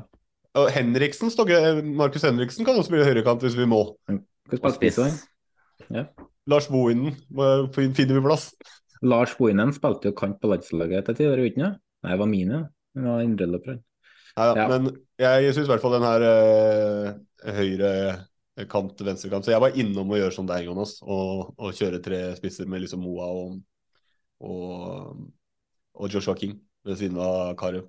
Så um, jeg var innom det. Men jeg landa på egentlig å kjøre Moi på venstre og uh, faktisk Bråten på høyre, selv om eh, den ikke står oppført her nå. Så den står på venstre. Da kaster jeg meg på Moya hvis du har han, egentlig. Hvis du går for kant. Jeg sier også Moi venstre, Bråten høyre. Altså, jeg husker Moi har spilt på ganske høyt nivå eh, ganske lenge. Og var rimelig god for Molde også, og har vel som 28-åring nå bikka 50 landskamper. Det er Før om er siste, før siste to årene, i hvert fall siste året, så har han vært elendig på landslaget. Men før den perioden igjen, så var han jo ganske god på landslaget. ja. Det Men var, så er det, var en periode det var kun han som var landslaget. Ja. Men så er det alternativene også. Jeg syns det er det klart eh, beste alternativet på venstre. Så det er liksom Alternativene er jo Håvard Nilsen og uh, Tariq Elønussi må jo name-droppes. Uh, vi snakka om Karev på topp, men vi har jo Jørgen Strand Larsen, litt kort karriere ennå kanskje. Torstein Helstad, Ola Kamera, Petter Belsvik. Det er mye å ta av, men uh, Jan jeg, Sørensen. jeg kjørte jo to spisser i mitt lag, da. Og der er jeg faktisk Jon Carew og Frode Johnsen. Frode Johnsen glemte. Fy faen. Nei da, men uh, ja. Nei, men eh, Simen, har du noen innvendinger på Moi eh, venstre, Bråten høyre? Nei, det var ikke det. Altså, jeg hadde jo litt eliteserieperspektiv. Karev er jo liksom bankers, da. Nest beste norske spiss gjennom tidene, eh, kan man argumentere for. Og så har jeg jo Torstein Helstad, da. Men det er litt mer for han er Kamma, han er Kamma-produkt. Så det er litt eh, Ser med de brillene som Moi Ja. Sånn Moi spilte i Basel. Der herja han i Champions League liksom hver uke. Det var helt ekstrem. Så jeg kan kjøpe den. Skal vi um, prøve å få plass til sju på benken nå, eller? Ja, det går an, det. Skal vi bare oppsummere? Det var Moi venstre, Vi, Bråten det blir jo, det blir jo Hvordan keeper vi gikk for Myhre? Da blir det jo Jarstein på benken. Ja. Og så én stopper, og da var det Dan Eggen som var nevnt, og da må vi ha med han, ja. Og ja, du hadde jo eh, Erland Johnsen. Ja, det er Erland Johnsen, ja. Men det var i en eh, trebackslinje der, da. Da har vi Erland Johnsen mot Dan Eggen. Hva sier du, eh, Snorre? Nei, Dan Eggen, for jeg Ja. Ja. Da har vi Dan Eggen. En eller annen back. Eh, Basma, Gunnar Halle er nevnt. Ja, da, jeg, jeg kan lande på Gunnar Halle. Noen innvendinger der, eller? Nei? Da Nei, men det var vi ikke flere på Jo, vi Omar. hadde, vi hadde Omar, da. Det var to Ja, stykker Omar, ja. Ja, Ja. Omar. to ja, jeg, Omar, så- vil fortsatt slå et slag for eh, Omar, for det, det, da blir det fyrverkeri på kanten. ja, eh, jeg traff det med mitt hjerte. Eh, to sentrale. Skal vi få plass til Lars, eller? Nei. ikke på benken engang! Ja, det blir jo Jeg har eh, Sander Berge og Martin Andresen på min benk, og så har jeg jo egentlig Bohinen inn på laget, da. Um, er det noen andre sentrale som ble navn? jeg eh, hadde Bohin på eh, benken. Ja. Ja, Bohin. Bohinen. Bohinen i hvert fall. Hvem blir andre? På min del Berge over Martin Andresen. Berge. Mm. Er vi enige den? Og mener Berge over Martin Andresen på slangelista. Ja, nei. Ehm, kant, eller skal vi kjøre to spisser? Det var jo litt Eventuelt eh, Sørensen ble nevnt. Du kan ha mulighet for å legge om da, formasjonen. Hvis du må gjøre noen endringer, for det- du har bomma på eh, 4-3-3. Funker ikke. Er det noe Har dere noe navn? Vi må nesten ha Moa på benken. da. Ja, jeg syns det. Altså, det Eller, nei, King har jo en bedre karriere enn Moa. Moa ble ødelagt med skader. Altså, jeg, jeg sier eh, hvis vi skal Jeg vil ha inn en kant og en spiss, og jeg sier uh, Jan Derek og Frode Johnsen. Um, jeg sier Moa av den ene ville sesongen han hadde i Hanover. Ja, jeg har Moa. Eh, Jeg syns også Moa. Ja, jeg klarer ikke å gå uten uh, Moa, hvis, du, hvis vi kan forutsette at han er skadefri. Én kamp, da. Ja. Han klarer å tyne én kamp ut av de knærne. En til. Nei, én én kant. Ja, en kant? Jeg syns det er én kamp. jeg. Ja, men eh, det er jo sant, da. Han klarer å tynne én kamp som kant, hvis han må. Ja. Eh, hvem var nevnt? Jan Derek Sørensen og, og flere? Tariq var nevnt, da. Tariq, ja. Ja, Tariq Jan, Jan, Jan Derek og Tariq. Jan Derek Sørensen sine 99-sesonger i Rosenborg trumfer kanskje der. Ja, det, var... vil laget, da? ja, det er litt sånn surt eh, med Jan Derek. Han, han var veldig sånn hatobjekt på Briskeby. Han hadde sånne håndbevegelser mot uh, Briskebybanden og sånn. så Litt sånn sårt å ha en annen. Det var også en litt sånn artig historie. Det var noen som skrek til ham, når han spilte i Lyn, vel, så hadde han kom tilbake, så var det noen som skrek hei fra Briskeby. Så var det noen som skrek hei, Jan Derek, din Tyskland-reject. Til og med Wenche Myhre klarte seg i Tyskland. Og så, og så, var det en som, så var det en som svarte Hei, ikke kødd med Wenche Myhra. Så det Men rent sportslig, ja, han var eh, vill. Ja, hvis vi regner med toppnivå eller toppsesong, da, så er jo den 99-sesongen overgår vel alle sesongene til Tariq Elaunis i hvert fall. Så Ja. ja. Da Jeg må vi si at jeg syns det er vanskelig å sette Joshua King ut av laget òg, da. Men uh... Å, fy faen. Nei, Jeg har King foran Jan Derek. ja, jeg òg. Ja, eh, det går bra. Da blir det to, spiss, to spisser og ingen kanter, men det er greit. Ja, ja. Det blir som landslaget, da. Ja, det blir bra. Så nei, men eh, skal vi Det er jo ingen som kanskje har forberedt trenere, eller? Nei. Nei, for det er jo Har vi, vanlig. at- hvem er, hvilke trenere har Det er der vi skulle hatt Ja, Fagermo. Det ble litt bråk sist. Frank ble jo så forbanna når vi tok inn Høgmo. Jeg lå, jeg lå ute i telt i 15 minus, og ser jeg dere har valgt han Høgmo foran Trond Solli. Jeg har vunnet OL! Og så, og, så, og så kan ikke jeg svare på 24 timer, og så sier jeg bare ah, Frank svarer ikke, han er sur. Men eh, Boiden, da? Nei, Egil Drillo Olsen, herregud. Ja, herregud. Ja, ja. Uh, lett Drillo. Jepp. Så Nei, men- kan Bohin være assistent, da? ja. Ja, Bo- Bohinen er jo på, uh, på benken. Er han på benken? Ja, det er han. Ja. Ja, ja. Men Ja, spillende assistent, eller Ja. benkeassistent. Han, han, får, han får nok oppmerksomhet på benken. Ja, men det var nesten, Lars. Så det blir bra. Nei, men da har vi laget. Det legges ut, det. Som eh, sist. Balto, eh, Balto ordner bildet, vet du. Og da får vi se, da. Eh, om diskusjonen raser om dette laget kan slå det nordnorske. Det, Definitivt ikke. Den, blir, den er tight. Men uh, midtbanen til uh, nordlendingene uh, Det er jo forsvaret her, da. Berg, Johnsen. Keeperplass. Ja. nei, men da går vi videre. Yes. Jepp. Altså, Jeg orker ikke å diskutere om folk eh, tar hverandre opp i ræva, eller hva det er for noe sånt. Hvordan i satan fikk han plass til den i ræva? Fra ukens uh, elver så drar vi over til ukas uh, snakkis. En rett og slett uh, tar runden og hører hva folk uh, har å melde som denne ukens snakkis. Det kan jo være fra SoMe, eller det kan være noe man har fått på rett og slett tradisjonell avis eller nettavis eller sånne ting. Men eh, folk kan jo få lov til å, å ta ordet der. Skal vi bare sende ballen over til gjesten, som, som alltid? Ja. Eh, ukas snakkes er jo, eh, det er jo en kjent historie nå i norsk fotball. Det er jo eh, Nikita Haikin som eh, vender tilbake eh, til Bodø-Glimt som en av, eh, en av mange eh, som ikke lykkes helt i utlandet, men som kommer, kommer tilbake til Bodø. Altså, det der begynner å bli en par- par- parodi på seg selv. Altså, det, er, det er jo en strålende signering, for all del. Men altså, det er, blir jo kortere og kortere omtrent. eh, Folk er ute. Så det er, neste er jo å bare ta den der rund, eh, i svingdøra på flyplassen i Bodø. Bare ta hele runden og så gå ut igjen. Det er det Det er det neste. Det er jo det han Mbuka gjorde. Mm. Mm. Men han skal jo faktisk prøve seg utenlands, da. Så vi kan jo vente litt. Men eh, jeg avskriver ingenting der, jeg, altså. Det er jo um, når du har dratt til utlandet og så kommer tilbake, uh, og så er det mange som sier oh, yeah, kommer gratis.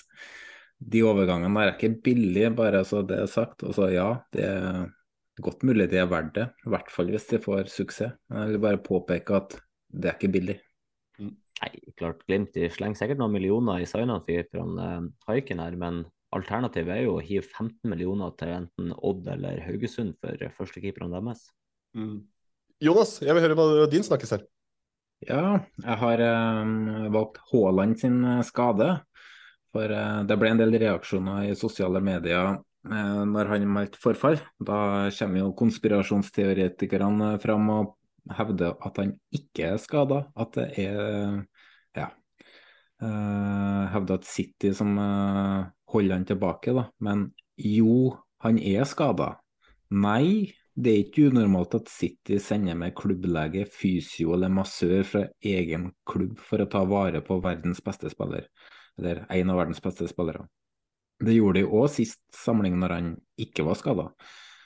Eh, jo, landslaget betyr mye for Braut. Det er nesten så jeg mistenker at landslaget faktisk betyr mer enn klubblaget. Og selvsagt ønsker Braut å spille VM og eller EM for Norge. Å delta i et mesterskap for en nasjon er den største en fotballspiller kan gjøre. Samholdet i den norske troppen, kameratskapet i troppen med Ødegaard, Berge og Haaland osv. Ikke betvil, at, uh, betvil våre bestemenn uh, for holdningene til landslaget. Spillerne her har trua på landslaget, på Solbakken og på fremtida, og det landslaget her kommer til å komme til, til et mesterskap. Haaland er ekstra utsatt for muskulære skader med den fysikken han har, og med antall høyintensitetsløp. Jeg blir skanna hele tida. Når han da får en rift, eller om det skal være en slitasje, eller hva det er for noe, så må han hvile. Og det er bedre med 14 dager hvile enn fire måneder på sidelinja. Også. Så um, det er det som har hissa meg opp i uka her. Mm. Og du føler mange har snakka om det? Det er en gjeng der? Ja. ja. Nei, det var jo ganske mye reaksjoner på Twitter når han meldte forfall. Det var det jo. Mm. Jeg husker jeg så det at han meldte forfall, tenkte jeg å, han skada. Mm. Det var synd. ja, ja, kjipt det, men uh, sånn er det. Spillere blir skada. Ja, Det er jo interessant å tenke seg hvordan Spania-kampen hadde gått med han på banen. Da. For det var jo veldig mye Det var en del misbrukte sjanser der, så mm. Ja, det er litt bittert. Og så er det jo sånn fotballen har blitt, at de, de klubbene som har makta, de store klubbene, så jeg kan jo forstå at spekulasjonene kommer, da, men jeg, jeg, er enig med deg, Jonas. Det er jo alt tyder på at han var skadet. Mm. Men så spørsmålet hadde landslaget vært så mye bedre enn med Haaland i den kampen? For Sørloth gjør jo en kanonkamp på topp der og er jo med å skape mange sjanser. Og Haaland er jo ikke like involvert som det Sørloth var i den eh, kampen der. Men så er det klart at eh, han hadde jo bundet opp sju spanjoler som har gått og passa på han hele tida. Men uh, vi får aldri svaret på det, dessverre. Frank, var det noe dekning? Ja, eh, ikke så mye dekning ute i skauen, men eh, man har jo fått med seg det at det er landslagsrunder eh, igjen. og Så min ukas snakkis er det jeg føler er litt sånn, kall det déjà vu. Jeg føler jeg opplever ting litt At historien gjentar seg. Vi ser eh, gode resultater på ungdomslandslagene. Det gror godt eh, med mange unge spillere som kommer frem. Og så tenker jeg tilbake på Skjelbred, Henriksen, Konradsen, Johansen-årgangen, som gjorde det så godt når de var unge, men de tok oss aldri til noe mesterskap. Nå er det Ødegård, Haaland, Berge osv. Og, så snubla vi mot Spania. Det er kanskje ikke så uventa at vi skal tape mot Spania, men jeg tipper at når vi har eh, sluppet denne episoden her, så har vi sikkert snubla mot uh, Georgia og stjerneskuddet. Han, uh, Nå må du slappe av med deg, da. Kvaraskelia. Uh, men, men, det jeg ser nå, er at vi har ungdomsgenerasjonen på nytt som presterer godt. da. Det er jo et uh, G19-lag som slår uh, selveste Frankrike, er klar for EM. Og fytti satan for et mål av han Antonio Nusa. Uh, Sedi Jatta, Lasse Nordås, Joel Mbuka, Jonas Terkelsen de storseier mot Romania uavgjort mot Italia for U20-guttene. Så det blir litt sånn eh, det, Framtida ser lys ut, men når de kommer i fremtida? Mm. Litt senere. Alltid litt senere. Det er, det er som Frank sier, der, det er jo alt, hadde gode ungdomsår eh, lenge nå, men eh, det, det er jo ganske tynt bak på banen. Det er jo der jeg føler det skorter litt. Nyland i mål. Ja. Ja, nei ehm, Er det noe mer? Noen som har lyst til å fylle på? Nei. Da er det meg igjen, da. Jeg, ehm, jeg, jeg vippa litt, men eh, bare for å komme litt vekk fra Jeg kan bare nevne at jeg, det blei jo litt snakkis dette innbyttet til Fredrik Bjørkan eh, mot Spania, men eh, herregud, sånn, eh, sånn skjer. Jeg går videre. Eh, det er ikke det jeg eh, føler snakkis. Jeg holder det litt mer lokalt, jeg. For jeg klarer ikke i, eh, å overse at i hvert fall i, i mitt lille fotballmiljø, min, min lille feed, så er eh, snakkisen at eh, åpenbart er, det skurrer i Vålerenga. Eh, vi vet ikke helt hva det er. Eh, det er veldig løse rykter. Men ryktene går ut på intern uro, og det er sjelden bra. Ryktene går også ut på at det har vært et eller annet form for oppvaskmøte eller møte mellom Fagermo og styret eller eh, øvre ledelse. Eh, og ja, det er få som får noe ut av noen som jobber i klubben rundt det der. Og det skal visstnok være relatert til da. Hvis ryktene stemmer, nå presenterer jeg bare rykter, men det det her snakkisen går på, da. At eh, Fagermo kanskje har mista eh, store deler av spillergruppa. Mista garderoben, rett og slett. Eh, så um, det blir snakkisen for meg. Fordi det blir i min lille sfære. Det er ingen som vet 100% men alle merker vel kanskje at det er noe som er litt off. Og det, det er både litt spennende, selvfølgelig, og samtidig veldig frustrerende å ikke helt vite. Eh, For hvis Fagermo har mista garderoben, ja, da er det jo egentlig ikke noe å vente på. Men kjenner jeg Vålerenga rett, så kommer han til å vente. Vente litt for lenge. Akkurat lenge nok til at sesongen er eh, rimelig blank ødelagt. Er det hukommelsen min som svikter meg nå, eller sparka Sarpsborg treneren sin like før seriestart for to eller tre år siden? Petter Myhre? Nei, eh, Nei. Bakke? Nei. Det var en trener som fikk sparken sesong. Var det Godset? Nei, Ja, det var som fikk- rasismeanklagene i oppkjøringa. Ja, stemmer. Det var Godset, ja, Mm. ikke Sarpsborg. Ja, Mm, og det var da eh, BP og han eh, nå står det stille. Ja, de, hvor de tok over på litt kort varsel. ja, Eh, stemmer, stemmer. Men kan vi nå få ei trenersparking før sesongstart i år òg? Mm, Trøy, med Freden, vet du. Men det, det kan bare svare på det. Jeg tror ikke vi får det, fordi eh, Fagermo er, eh, er godt likt av Trøim. Eh, Men det er Og så er det, det er kort tid da, til seriestart, i og med at vi ikke har hørt noen ting. Det er ikke noen rykter om at det har vært noen sånn forhandlinger om noen sluttsum eller sluttpakke eller noe sånt som har kommet ut. Så jeg tror det blir litt for knapt, men uh, ja. At det kan skje kanskje på vår side, ja, det tror jeg. Absolutt. Det er jo flere på, eh, problemer i Vålerenga òg, for eh, de har en vanskelig jobb, de som eh, skal signere spillere der. Eh, Fagermo og Jokke Jønsson. De hadde jo Sigurd Rostedt klar. Han ville til Vålerenga, Vålerenga ville ha han. Treim sier nei, fordi at han var ikke ung, han ville bare ha unggutter. Og nå er det Ulvestad de er veldig keen på å hente, og han virker å være keen på Vålerenga. Men igjen så virker det som at det er Treim som eh, holder igjen på eh, pengene der. Da. Så um, da forstår jeg hvis det blir uro av eh, det òg. Ja, altså jeg, jeg vet ikke om dette går på om Fagermo og Trøim har ryket på hverandre, for det hadde jo vært en uh, spennende liten twist, da, med tanke på det man fikk høre i, fra i fjor, om at uh, Trøim visstnok fe- freda han og sånn i garderoben. Så det, det hadde jo vært en twist. Men uh, jeg, jeg ser på det ikke som helt usannsynlig at han kan ha mista i hvert fall store fraksjoner av gruppa. Uh, det gjør jeg ikke. Kan det her være litt backlash fra det her årsmøtet? Ja, nå var ikke jeg på det årsmøtet, da. Eh, Så jeg skal ikke helt eh, si. Men det mesteparten av det årsmøtet gikk jo på eh, disse millionene og denne kaossituasjonen hvor man ikke hadde valgbar innstilling fra valgkomiteen på styreledere. Det var der mest tid gikk. Men en annen sånn liten sånn fotnote som folk la merke til, det var jo sånn sportslig oppdatering før dette medlemsmøte. Og gjengangsmelodien av de jeg snakka med i eh, åpent, da, og de som var der, var at Fagermo sto og sa at nei, ja, vi er best på XG, og vi er topp tre på, på, session, og ting går bra, og det bare flyter, og er, alt er riktig, vi har mye unge spillere, kanskje litt for mange unge spillere. Ting man har hørt før, da, av ting man er så gode på. Men så er det oppkjøringa, så de som har sett kampene, ser at du ser egentlig bare et Vålerenga-lag som ser likt ut som i fjor. Så det er ingen som har det ekstreme forhåpningene at det har løsna sammenligna med vårsesongen i fjor. Da. Det er mye eh, Det går treigt med ballen.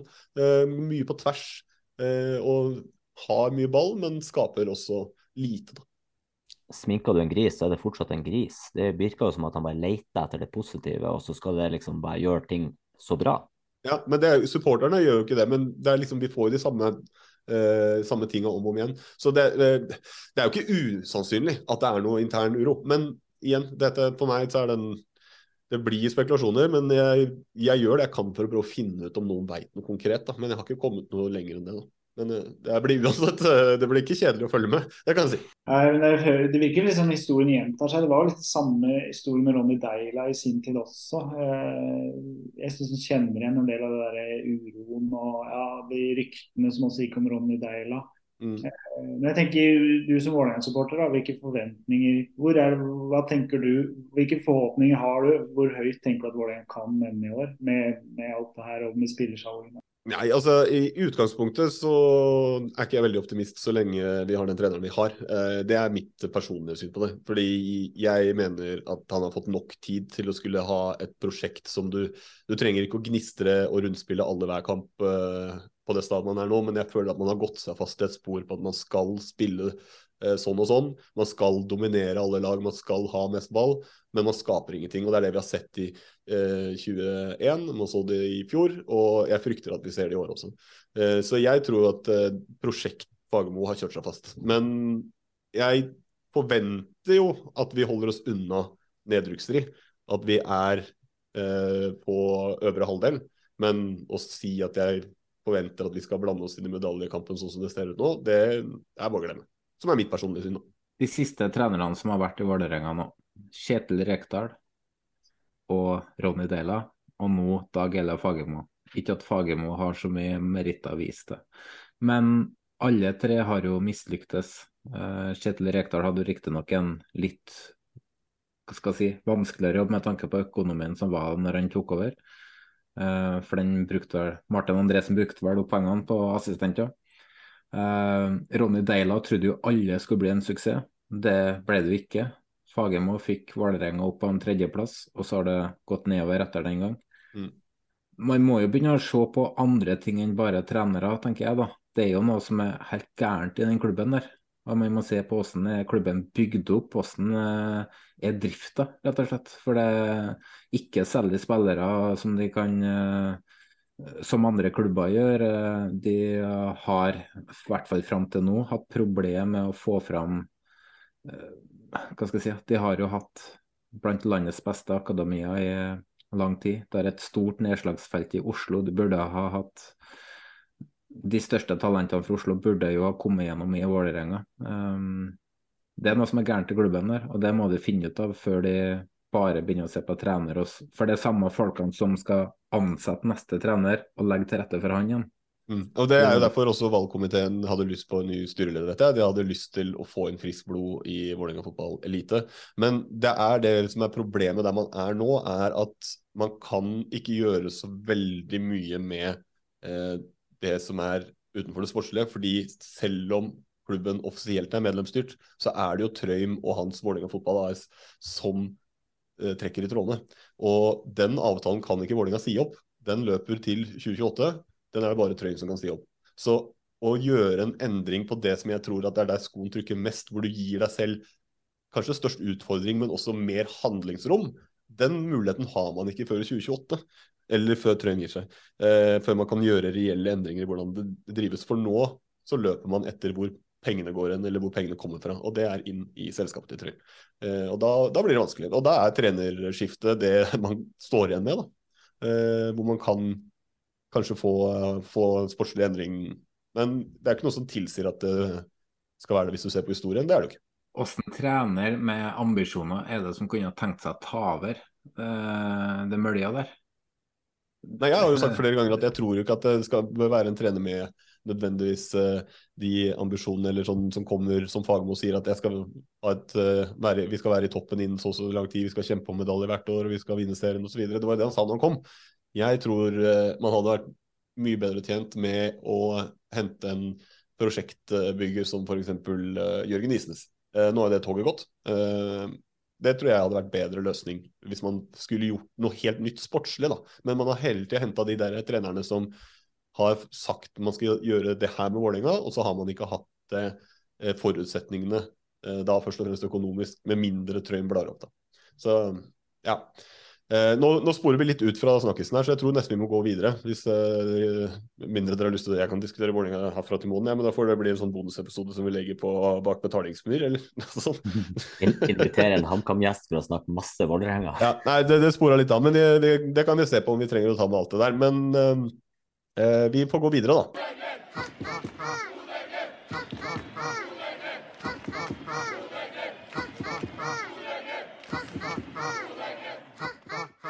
Vi nærmer oss uh, slutten, og vi har selvfølgelig fått noen spørsmål uh, på Twitter. Så Frank, du satt med røyksignaler og fikk oppdatert deg på, på, hva som har kommet inn på Twitter når du satt ute i skogen her, skjønner jeg? Jeg rakk vel så vidt å få den lille jobben jeg har gjort med forberedelser til episoden. Mm. Dere, dere gjorde resten, så jeg er takknemlig for å få lov til å bidra bitte litt. Så Simen, Bjørn Rudsagen spør hvor god var Ola Abiodun? Jo, Ola Segern Abiodun han kom til HamKam der i midten av 2004-sesongen. Ekstrem, ekstrem Ja, det er snakk om ekstremferdigheter som vi prater med Bråten og Karev. og han var liksom han var på det kaliberet. Han hadde en eh, akselerasjon som var helt sjuk, og en styrke i kroppen. Uh, han herja med Rosenborg der i 2004, og før 2005-sesongen så herja han i treningskampen mot Lokomotiv Moskva. Han var liksom ja, Arsenal, Feinor, Anderlecht, alle var ute etter ham. Han var 20-årig nigerianer. Og så var det mye som ikke var på plass rundt ham. Uh, det kan han kan ta kritikk på sånn i ettertid. Så han, han falt bare sammen. Det, han mista fokus sportslig. Eh, det siste jeg hørte fra han var at han var yrkeskriminell. så sånn gikk det. Eh, okay. så, det var ikke så Det endte ikke så lyst, men han var en ekstrem spiller. Og en av de mest underholdende jeg har sett på Briskeby. Og det var jo ei mørk skjebne, får man si. Ja, er, apropos Emil Baron, og sånn som dere pratet om i forrige episode. Det kan sammenlignes litt med hvordan det gikk etter karrieren. Yes. Eh, Vegard Bjørgå spør var Mathias Andersson innenfor 16-meteren når han ble felt på Briskeby? Ja, det er et stygt, stygt minne fra 2008-sesongen. Da spilte vi mot Godset 18. mai, faktisk. Det var den gangen TV 2 flytta 16. mai. En 16. mai-kamp. Det var jo det endte med at vi hadde protest hele første gang, Godset og HamKam-supporterne. Eh, og så leder vi 1-0. En sesong vi endte med å rykke ned, selvfølgelig. Leder 1-0. Vi har liksom seieren i lomma. Og så på altså helt på slutten så får de Godset straffe, og alle som er på kampen ser at der, han er jo utafor 16-meteren. Han blir felt utafor 16-meteren, Gods får straffe, og det ender 1-1. Eh, ja. Så nei, han var ikke det. Og Ronny Deila etterpå, han sier ja, men det er, det er, det er banemann sin skyld. For han har ikke merka at banen er godt nok. Og det banemannen han, han, han eksploderte. Han holdt på, han holdt på å drepe Ronny Deila. Skal vi prøve å finne et uh, klipp og, av det her og få lagt opp på Twitter-brukeren vår? Men det er uh, ja, skandaløs dømming. Jørgen Karlsen spør hvem er best på sport?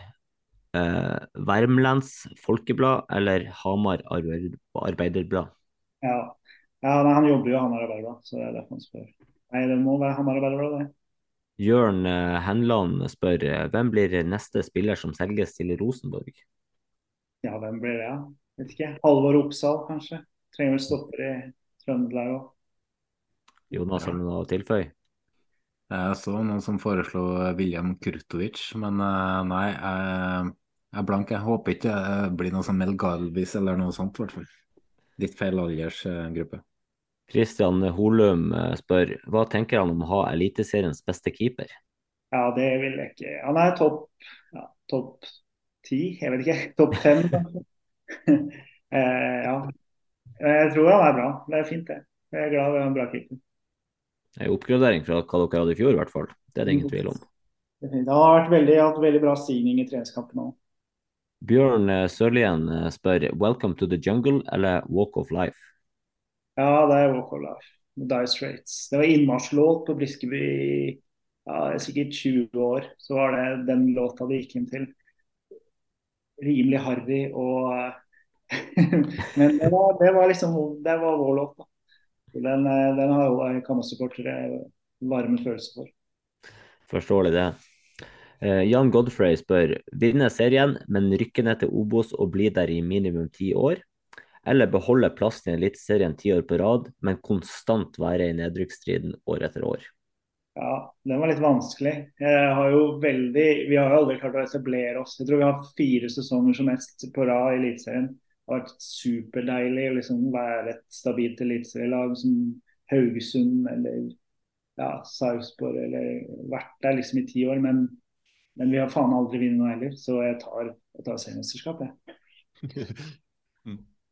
Forståelig. Eh, hadde det ikke vært for de siste årene Glimt har vunnet, så hadde jeg òg tatt et seriemesterskap og så Obos i ti år. Ja, jeg tror litt Obos. Har vært der så mye før, så. Det har vært deilig med Glimt i Obos i ti år, det er jeg enig i. da. Risikoen med å velge liksom ti år uh, sikker plass, det er hvis du rykker ned i år om elleve. Når du ikke har sikker plass lenger, så er det liksom man sitter igjen med ingenting. Så Jeg hadde vel endt med det, sikkert. Alltid et håp om en cupfinale. Vet. Eh, Fort Aspmyra uh, har kommet med en eh, ny mantrain her. Forrige episode så pulte jo han eh, Morten Killingberg han Runar Espelord i ræva, og likte det. Eh, du står i mantrain med Frigård foran og Rekdal bak. Hadde du rygga eller gått frem for å komme ut av toget? Ja, det er Glimt. Det er Glimt. Det du er liksom den mest modne av Glimt-supporterne. Oi. Eh, eh, ja, fy faen, hva skal jeg svare på da? Det blir vel Frigård, da. Ja. Men det er beste av to onder. Så vidt. Altså, det er, ikke- det er ikke ille før du liker det, da. det er ikke ille det heller, si. Nei da, det er ikke noe galt med det. Her kommer et eh, spørsmål som sikkert får Snorre til å eh, gråte litt. I hvert fall til å få skjelvinga innvendig. Anonym Anonymesen, som er Enga-supporter, han spør hvor mange mål skårer Henrik Udal mot Vålerenga i år? Ja, det må skje, det. Altså, ja, minst, minst to, tenker jeg. Én hver match. Kanskje tre. Det er eh, bound to happen. Det vi, tror jeg vi alle er enige om at det kommer til å skje. Men jeg har et bedre svar, eh, tror jeg, på, hvis du ikke har lyst til å tippe tall. Jeg bare vil si alle. Alle mål han kan skåre mot uh, Vålerenga, de skårer Henrik Udal. Så det Og, og, og nullen med Bjarnason bak der også, så det Det, det, det må jo skje. Det blir to, to 3-0-kamper. Udal med hat trick to ganger i løpet av sesongen, og det er de to kampene. Det er det eneste målet han. Så, jeg, det, jeg tror vi bare kan si at det kommer til å skje. Så det, hvis du får noe særlig odds på det, så er det bare å det, det man har. Siste spørsmål, fast spørsmål til alle gjester. Hvem skårer mål nummer 69 i årets eliteserie? Ja, hvem skal vi gå for da? Eh, eh, ja, vi går for eh, ja, Vinner jeg nå, eller? Blir det noe, eh, hvis jeg tar, tar riktig, jeg skal jeg gå for humoristisk. Vi må jo Vi har premiere ikke blitt enige om det, men uh, skal vi si at den som vinner, får uh, premie, da? Hvis noen vinner. Ja. Ja. Er det Steffen, Steffen Hagen har, aldri, har han putta noen mål i hele sin karriere? Er det ikke han som har sånn null mål, eller kanskje ett mål eller noe sånt? Så jeg går for Steffen Hagen. Oi. Ja, det, er ikke så mye, det er ikke mye dårligere tips enn Kjetil Rekdal som sa Markus Henriksen. Også. Ja, det var eh, siste spørsmål. Jeg uh, hadde jo svart Udal hvis jeg var deg, men uh, den er grei. Nei, men vi, uh, vi nærmer oss til slutten, så nå skal vi fortsette med 69 mil. Det norske herrelandslaget har i over 20 år stort sett vært frustrerende å følge med på. Svikter ofte når det gjelder, og deltakelse i mesterskap har latt vente på seg i over 20 år nå. Så det er behov for en opptur. Det hadde vi alle trengt. Enten i form av mesterskap, eller kanskje i form av innpass i det aller helligste. 69-himmelen. Det blir fort sistnevnte, ja. For i havet av skuffelser må man huske at det aldri er så galt at det ikke er godt for noe. I perioden etter sist gang herrelandslaget spilte sluttspill, har det vært mange trenere og spillere innom Ullevål. Noen fikk mange kamper, andre fikk få. Totalt seks trenere og en haug med spillere har forsøkt å ta Norge nærmere et EM eller VM. Ingen har enda lykkes. Men uansett så blir det statistikk av det. Lister må oppdateres, og spillere flyttes opp og ned på adelskalenderen. Så at noen havner i en slags evig 69 er både tilfeldig og vakkert. I en eh, tradisjonell 69 må man være to for å skape magi. To som bidrar ca. like mye, er oppskriften for å lykkes. En som er villig til å være ned når den andre er opp, og motsatt. To sjeler som smelter sammen i øyeblikket og skaper noe sammen. Det kan fotballen lære av. Og det er det vi hyller i dag. Espen Ruud startet sin seniorkarriere for over 20 år siden, og har siden da spilt flere hundre kamper til sammen på norsk og dansk toppnivå. Høyreslegga har dunka inn både kasser og assist fra høyre back-posisjon, og han er fortsatt aktiv i dag. Landskamper ble det også, samt et landslagsmål, men det blir neppe flere nå. Det stopper fort på 35 kamper med flagget på brystet. Alexander Tetti er ikke like synonymt når man snakker skåringer og Astrid som nevnte Ruud, men med 244 kamper for Norwich i England, som ga både opprykk og nedrykk, samt seriemester med RBK, så snakker vi uansett om en stor karriere som nå er over. Lenge var Tetti også selvskreven på landslaget, og hvor han for øvrig endte med syv skåringer før han ga seg. Totalt ble det 34 kamper for Norges A-landslag. Og der har vi det. Det blir neppe flere på Ruud, og Tetti har som nevnt lagt opp. 35 pluss 34 der, altså. Det er som kjent lik 69. Så der står de nå, to store profiler fra norsk toppfotball. Det er selvsagt flere med denne tallkombinasjonen, men det ble altså de som står på den plassen som ikke bare gir 69 kamper til sammen, men som også plasserer deres navn i en 69 på statistikken til NFF over antall kamper. Ruud over Tetti, eller Tetti under Ruud. Hvor opp er ned, og ned er opp. Velkommen til 69-himmelen, Espen Ruud og Alexander Tetti. Eller Espen Alexander Ruud Tetti. Ah. Vakkert. Så, det var det. Takk for i dag. Tusen takk, eh, Simen, for at du ville være med og prate både kamma og andre ting. Det var supertrivelig. Takk for at jeg fikk komme. Jo, det var hyggelig, det. Eller, eller hva, gutter? Ja, absolutt. Ja, Kosa oss i dag. det var engasjert. Ja. Nei, men eh, vi avslutter nå. Vi gleder oss til eh, å få sesongen i gang snart, men vi kan jo ta et lite frampek på at de neste to episodene blir litt annerledes formatet. Da blir det bare Jonas og Frank og meg selv. Og, må du være med? Nei, det må jeg ikke. Men jeg, jeg, blir med. Så jeg, men jeg må ikke. Men vi må som alltid også rette en takk til de som sender inn spørsmål på Twitter. Til Vestfold Lydstudio for åpningsmusikk og jingler. Til Jesper Horten Kjærnes for avslutningsmusikk og jingler. Og selvfølgelig Iver Steins Nå, nå sto etternavnet helt stille. Kan, kan... Iver. Iver, Iver Steinsvik. Steinsvik. Jeg holdt på å si Steinsnes. Så, men... Det er ikke så lett å huske den, for han er plutselig bort fra Twitter. Så lett å ja, Iver Steinsvik og Intune i Bodø for utstyr, selvfølgelig. Og ja, nok en gang, takk til alle som hører på. Vi snakkes! Ha det bra. Ha det. Ha det. Ha det. Fuck off.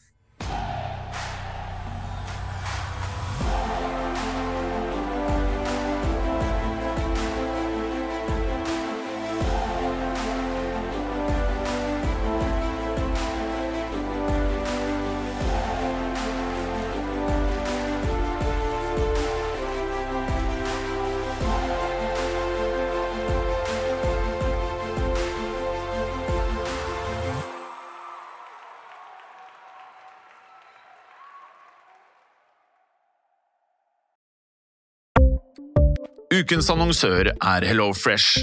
HelloFresh er verdens ledende matkasseleverandør og kan være redningen i en travel hverdag.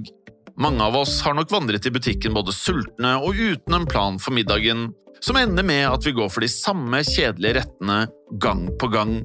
Middag burde være dagens høydepunkt. Som Hello Fresh kan du nå velge mellom 25 ulike retter hver eneste uke, eller få Hello Fresh til å sette sammen menyen for deg.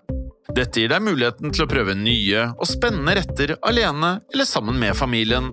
Du velger antall porsjoner og får alt levert på døren på et tidspunkt som passer for deg. Oppskriftene er enkle, og maten er lett å lage både for store og for små. Ved å få alt levert hjem får du også mer tid til å dele matgleden med familie og venner. Kanskje det frister med asiatiske tacos eller greskinspirert kylling? Da kan jeg anbefale deg om å gå inn på hellofresh.no. Her kan du bruke koden FOTBALL og få opptil 1779 kroner i rabatt på de første fem matkastene hvis du ikke har prøvd Hello Fresh tidligere. Du kan også bruke rabatten hvis du har vært kunde og stoppet abonnementet ditt for tolv måneder siden eller lengre. Gå inn på hellofresh.no og bruk koden FOTBALL. Ukens annonsør er Folio, en smartere banktjeneste for deg som har en egen bedrift eller ønsker å starte for deg selv. Folio er en superenkel nettbank for bedrifter. Som kunde i Folio får du en bedriftskonto med et bedriftskort og app. I denne appen er det smarte løsninger som forenkler regnskapet ditt, uansett om du har en liten bedrift eller et enkeltpersonsforetak. Folio er både intuitivt og brukervennlig, og er laget med et enkelt språk. I tillegg tilbyr de forutsigbare priser og ingen skjulte gebyrer. Skulle du likevel trenge det, så kan du snakke med deres raske og hyggelige kundeservice, og der får du prate med en faktisk person og ikke en chatbot. Folio er med andre ord både enklere og koseligere enn banken. Over 10 000 bedrifter har allerede valgt Folio som sin banktjeneste, så besøk folio.no og se hvordan Folio kan forenkle din hverdag også. Har du et enkeltpersonforetak eller en liten bedrift? Da er du sikkert lei av å høre meg snakke om hvor enkelt det er med kvitteringer og bilag i fiken, så vi gir oss her, vi. Fordi vi liker enkelt. Fiken superenkelt regnskap.